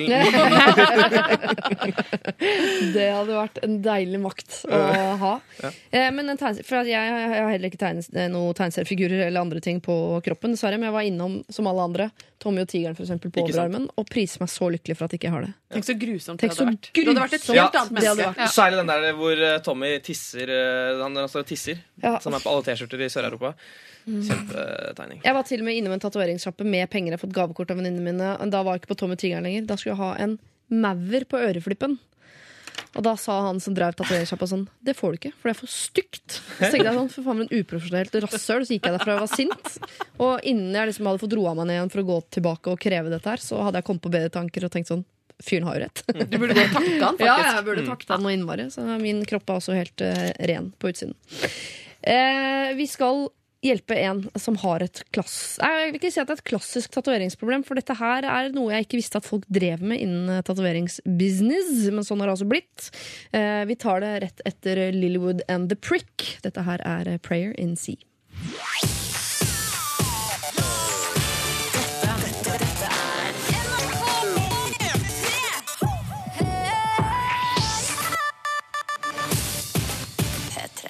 Lilywood and The Prick Prayer in eh, Sea fikk vi eh, der. Vi skal eh, ta for oss et tatoveringsproblem. Eh, hei, står det her. Bestevenninnen min og jeg tok en lik tatovering i våres sammen. Men i det hun begynte å tatoveres, så angret jeg. Siden har jeg aldri likt tatoveringen, for jeg følte jeg ikke kunne eh, backe ut når hun hadde latt seg tatovere. Nå står valget på om jeg enten skal ha den slik den er, som et symbol på vennskapet, endre den til noe jeg er mer komfortabel med, eller fjerne den. Men er jeg en dårlig venn overfor henne når jeg eventuelt endrer eller fjerner det som skulle symbolisere oss? Hva kan jeg eventuelt si til henne hvis jeg ender opp med å endre tatoveringen? Takk. Smilefjes. Utropstegn. Og jeg skulle ønske hun hadde fortalt hva Ja. de hadde Ja. tatovert. Ja, ja, Og hvor. ja. Ja. Og hvor, ja. Ikke Ja. minst hvor. Gjør det neste gang. Det har hun ikke sagt nå, men denne tatoveringen skal være et symbol på deres vennskap. For det er veldig stor forskjell på om de har tatovert uh, en, en liten ting nede på ankelen, eller om det er en sliv, liksom. Ja, Ja. det, Ja, jeg er helt enig, men jeg tror det er mest altså, symboleffekten hun er redd for. Hva, er, hva, er hva sier hun til venninnen sin egentlig ved å fjerne hun- dette? Kan ikke hun bare snakke med venninna si, da? Jo, det er lett Det å det det. gamle rådet å snakke med folk og si at jeg synes Men det her, det her var i vår. Ja. Hun angret jo før hun tok den. Hun så, satt og så på at venninnen tatoverte seg og tenkte sånn Nei, Og det ble stygt. ut. Mm. For det hun også sier, da, som er et uh, ekstra problem på toppen her, er at hun sier at 'jeg vil ikke ha tatoveringen lenger'. Ja, den som du har helt lik, ja, fordi jeg syns den er stygg. Så sier hun jo Ja. du så har stygg tatovering du har. Ja. Og vennskapet vårt betyr egentlig ingenting for meg. Ja. Det, det er nå inn i en stygg tatovering. Du er stygg, og vi er ikke venner lenger. Er hun redd for at hun sier Ja, da? Selv om hun mener jo ikke noe av det. Da har jo tydeligvis den ene venninnen hun venninnen som sender en god smak, og den andre dårlig smak. Ja. Uh, Også i vennskap, mener du? Å uh, oh, nei, det ville jeg aldri sagt. Men jeg tenkte å komme med kanskje det beste tipset jeg kommer til å gi i dag. Det vil et, vise. Bedre enn det forrige? Ja. Ja. Det du gjør, min kjære venninne, det er at uh, du går til uh, en makeupartist, får den til å uh, sminke en ondartet føflekk på denne tatoveringen. Går til venninna di, sier 'se på den her, jeg må fjerne den', og legen sier at da må jeg faktisk ta tatoveringen med det samme. Går til laserbehandling, fjerner den, null stress. Nå har Hasse Hope begynt å lyge. For et kjemperåd! Jeg, jeg setter, jeg Vi ljuger om kreft. Det er det, er det beste Det er Ja. løsning på alt, nesten. det. Ja. Ja. Nei, vet du hva? Jeg synes hun skal, enten så må hun snakke med venninna si og si at jeg, jeg vil ikke ha den. Og da risikerer hun jo selvfølgelig å miste venninna si. Eller så får du bare bite i det sure eplet. Så du bare, OK, du var ung og dum her gangen, en gang i vår, og så får du bare leve med det. Ja, for jeg tenker, er- Selv om til og med liksom, eh, stygge minner er jo minner, og det Ja. som blir eh, artige minner til slutt Så med mindre det er sånn i panna-aktig, så tenker jeg sånn herregud, behold nå den tatoveringen. Eller pakk den inn i noe eh, som gjør den finere. Hvis det blir finere med en blomsterkrans rundt av en eller annen merkelig grunn, så gjør den for all del. Og det kan sånn- du bare dekke bak. Å, jeg vil hylle vennskapet ja, vårt jeg med vil gjøre det roser. større Ja, og ja. si at eh, vårt vennskap er viktig, men det er en del av et stort bilde, og det vil jeg også male på min kropp. Og, og så tenner du opp noe røkelse, så har Kan vi jo hende at venninna syns også det også er tr- Trump på, på vennskapet. Ja. Ingen Ja. syns at roser og røkelse er å trampe på et vennskap. Det har jeg aldri gjort. jeg. Ja, men hvis det kommer an på hvordan du pakker det inn, liksom. Ja, jeg ville funnet et eh, alternativ. Fjern tatoveringen, eh, men finn noe annet eh, som symboliserer vennskapet. Eksempel en T-skjorte eller en, et alter i ære for venninnen som hun har hjemme hos seg. Men det som skjer når du fjerner en tatovering, er jo at du får et stort arr. Gjør man det? Ja, det gjør man. Men kan man fjerne hele stykket med hud og spenne det opp som et lerret og ha det på veggen? Og så transplantere hud fra uh, f.eks. indre lår Det går noe sikkert an, men vet du hva, Siri, det hørtes veldig avansert ut. Hørtes veldig dyrt Man må antakeligvis til Tyskland eller noe sånt. Eller Polen. Polen. Der er det billig. Jeg tror kanskje ikke hun har tenkt på det at du får et arr der hvor tatoveringen har vært. Jeg tror kanskje hun har tenkt at det bare liksom er å, å spraye den bort, og så får du får arr. Eh, Og er det egentlig bedre? Ikke bare har du kanskje mista en venn, men der hvor symbolet på vennskapet var, har du et stygt arr. Er Der har du et symbol på den venninna du en gang hadde. Ja, Ikke sant? Er, er tatoveringen så stygg at det er verdt det? Kanskje det er, Men hvis det er en tatovering av et arr, for eksempel at, Ja, for det er vennskaps... Ja. Det var nok det de valgte når de skulle symbolisere vennskapet. Flappa seg gjennom katalogen. Nydelig i glanset papir på side 17 der, Så var det ja, Oi, se der, ja. Arr med føflekk. Gøy. Den tar vi. Nei, eh, men jeg tenker jo òg Hva slags Altså, hva slags menneske er det sånn? Vent da, Jeg har tatt en tatovering sammen med venninnen min. Hun ønsker å fjerne den. Nei, Da er vi ikke venner lenger. Ja, nei, det Da er nok man ikke. 13 år, liksom. Det går ikke. Det, det må være lov. Ja, det må faktisk være lov. Men du er kanskje 13 år også når du har tatt en vennskapstatovering. Det får ikke vite. Ja, nei, det, men Er det lov å tatovere sånn når man er 13?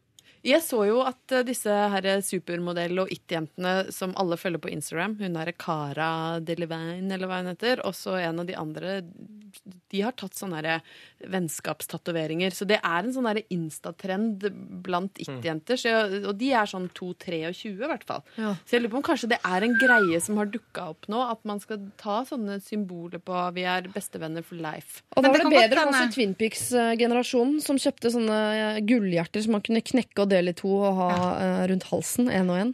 Mye, mye, altså, Mye lettere, lettere å miste. Men hvis hun her som skriver inn problemet, da kan tenke på det at de her uh, it-jentene all over the world uh, syns at det er veldig kult å ha vennskapstatovering, så kanskje det er litt lettere å svelge den. Ja, enig, ass. Jeg lurer på om man må svelge tatoveringa Altså. Ja. Bare, ha, bare ha den der. Ja, Skjær den Ja svergen.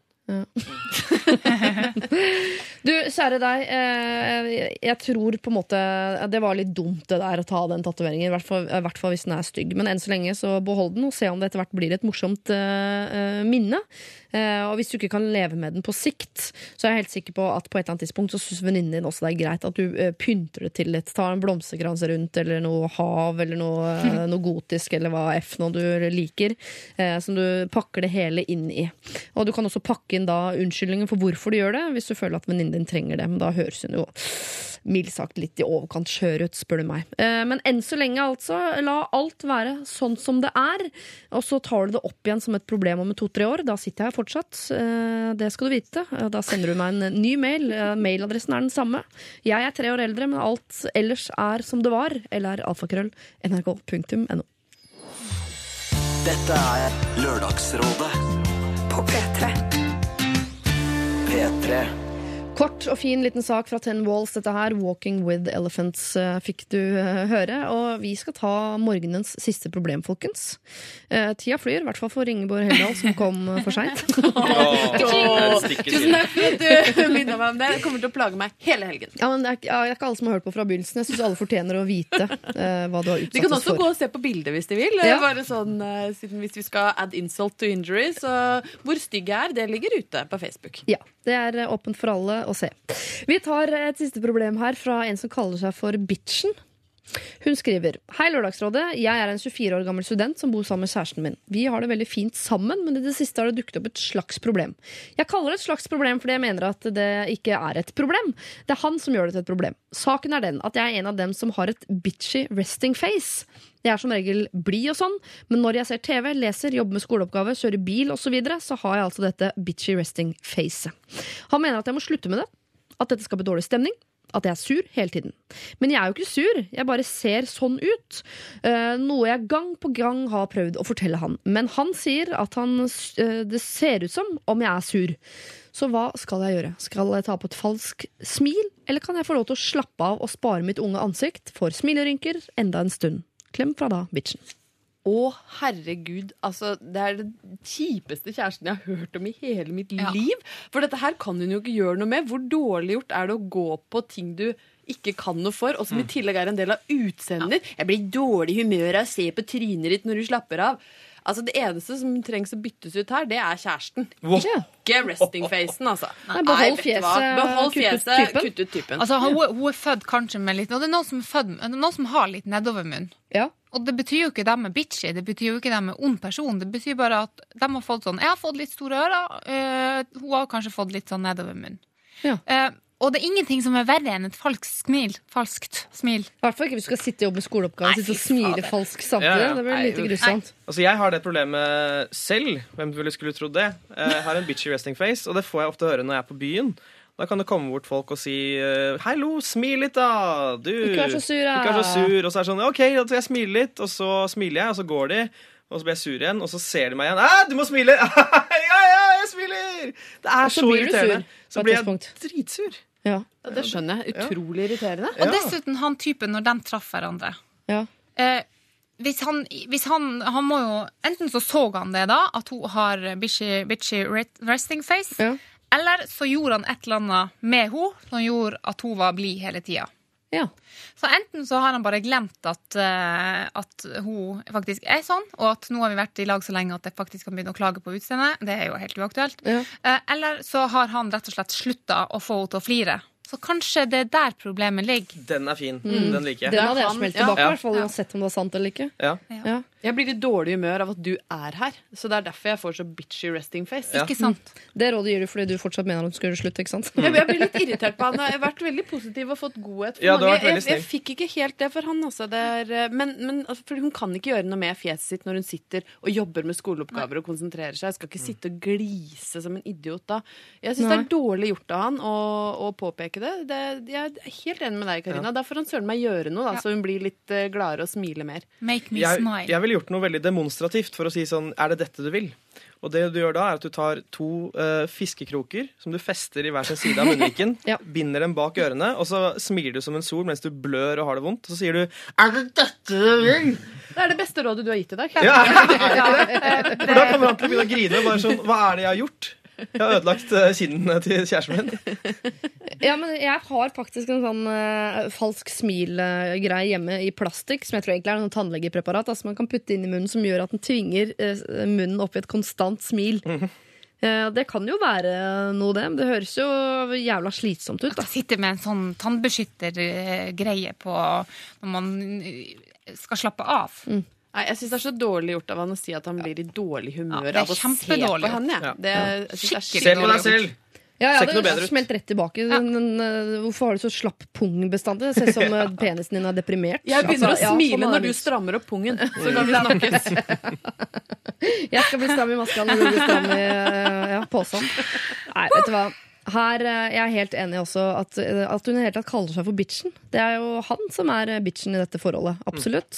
Du må få lov til å ha det fjeset du har når du sitter og kjører bil og jobber med skoleoppgaver. og det hele tatt. Men du kan jo minne han på at du er en blid dame da innimellom, hvis du i tillegg er sur da. Eh, hvis du er sur ellers, som man jo blir etter hvert. Hvis man blir spurt mange nok ganger om man er sur, så blir man jo sur. Eh, så du kan jo minne han på at du ikke er sur innimellom, hvis han sliter med å huske det. Og så kan du minne han på at han pleide å få deg til å være blid oftere enn det han gjør nå. Så kanskje han får litt dårlig samvittighet også. Og så kan han ta og stramme opp pungen sin. Det er jeg helt sikker på.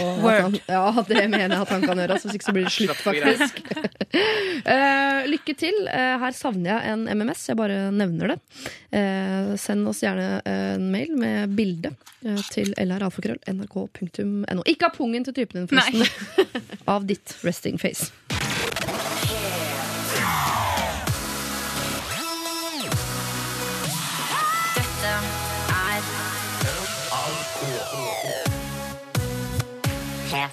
Den låta hadde jeg faktisk savna. 'Chasing Pavement' eh, Adele. Det var den låta vi liksom ble kjent med Adele sånn ordentlig med for første gang. Jeg hørte også Susanne Sundfør med 'Fade Away'. Eh, vi skal dele ut en kopp her i Lørdagsrådet til den eh, av eh, dagens innsendere som har eh, rørt noe ekstra inn i hjertene deres. Det blir vanskelig for deg, Ingeborg, for du har jo blitt veldig glad i alle, bortsett fra typen til bitchy resting Ja, face. det er ikke vanskelig. Det er, det er kjempelett. Det er kjempelett. Jeg skal gå gjennom sånn at dere vet hvem dere har å forholde dere til. Vi har disse to jentene som har flyttet 20 minutter ut av Oslo, og nå vil ikke venninnen deres besøke dem i det hele tatt. Så hvis de skal ha noe vennskap over hodet, så må de fortsette å dra inn til Oslo hver eneste helg. Så har vi en eh, jente som eh, har fått beskjed av typen sin at fjeset hennes, at trynet hennes stinker, som jeg har eh, gjort om til, da, fordi hun tydeligvis bruker et sminkeprodukt eller sånn som ikke lukter godt. Og så har vi da eh, vår gode venn her, Tore, som skal gifte seg og ønsker å invitere alle han noensinne har vært glad i, blant annet Ståle, som for tiden antagelig er narkoman, og kanskje han til og med sitter i fengsel. Eh, vi har en lystløgner her som er usikker på om hun skal tørre å feire sin 30-årsdag, fordi da må hun invitere flere gjenger, og da vil det bli avslørt at hun har jugd i mange år, blant annet om uh, gutteting, og at hun er på dealeren med folk og sånn. Og så har vi en uh, ung her som er bekymret for uh, familien sin. Far har fått alzheimer, og mor vil ikke at noen skal vite om det. Eh, det har vi sagt overkjør mora di, altså verbalt. Og så har vi et tatoveringsproblem. To jenter har tatt den samme tatoveringen som en slags sånn symbol på deres vennskap. Den ene venninnen ønsker ikke å ha tatoveringen lenger fordi den er støg. og til slutt også et nytt fjesproblem. Denne gangen et bitchy resting face. En eh, gutt som har sagt til sin kjæreste at eh, hun ser så himla sur ut når hun ikke konsentrerer seg om å smile. Så det fins hun gjør det mer, helst hele tiden. Hvem fortjener kopp? Den er fin, altså. Jeg burde hatt den her, så du kunne se åssen den ser ut. Jeg ser den for meg. Ja. Ingeborg var veldig klar. Ja. Ja, men vet du hva? Jeg ombestemte meg nå. Jeg tenkte først at det, koppen min skal selvfølgelig gå til Tore med det store hjertet som vil invitere Ståle i bryllupet sitt. Mm. Men når jeg hørte alle problemene på nytt, så tenker jeg nei, jeg syns faktisk Bitchyface kan få koppen. Så kan hun lage seg en karsk når hun har kasta ut den kjipe typen, og feire at hun nå kan sitte i ro og fred med bitchyfacet sitt. Og være bitchy og singel. Yes! Skal han Ja. ha et lite lurt smil på laget. Yes. Jeg, er- jeg, jeg er ikke fremmed for den, altså. Men jeg syns også at Ståle, Ståle-kompisen er høyt oppe, altså. Ja. Tore da, skal snart gifte seg. Han får jo nok kopper, da. i Ja, det gjør han. Ja, han får sikkert ikke lov til å ha den i skapet engang. Ja. Kona. Nei, for meg som også har bitchy resting face, så må det nesten gå til det. Ja. Fordi jeg kunne godt tenkt meg å få en sånn kopp hvis den dagen min kjæreste begynner å klage på det. Mm. Vi får håpe hun ikke gjør det. Vi får håpe hun ikke gjør det. Ja. Ikke gjør det. I så fall er det hun som får kopp, da, hvis det er hun som klager. For det er de som sender inn, som får koppen. vet. Åh, da må du ikke gi kopp. Ja, er dere enige? Det, det må bli enige, Jeg tror vi er enige, altså. Ja. Vi, eh, Enige om at eh, frøken eh, Bitches, som hun kaller det, seg, skal få en kopp. Men er det med forbehold at hun må kaste ut typen, eller? jeg liker ikke å gi forbehold. Nei, det, Nei, kan vi ikke si.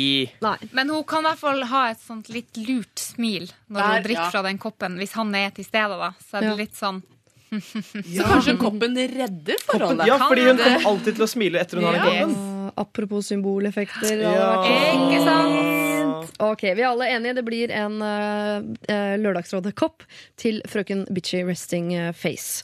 Tusen takk til uh, Hasse dagens rådgiver, og Ingeborg Helldal, dagens rådgiverinne, og også Karina Olseth, dagens rådgiverinne. Eh, ha en fortreffelig lørdag videre. Du også. Takk sammen. Til deg som hører på, så kan jeg jo si fra om at eh, du kan laste ned hele denne sendingen som podkast om få minutter. Og du kan i tillegg også laste ned en bonuspodkast i dag fra torsdagens liveshow på, eh, i Ås, rett og slett. Så kos deg med det. Vi er tilbake om en uke, så fortsett å sende inn problemene dine til lralfakrøll.nrk.no. P3. Dette er Lørdagsrådet På P3.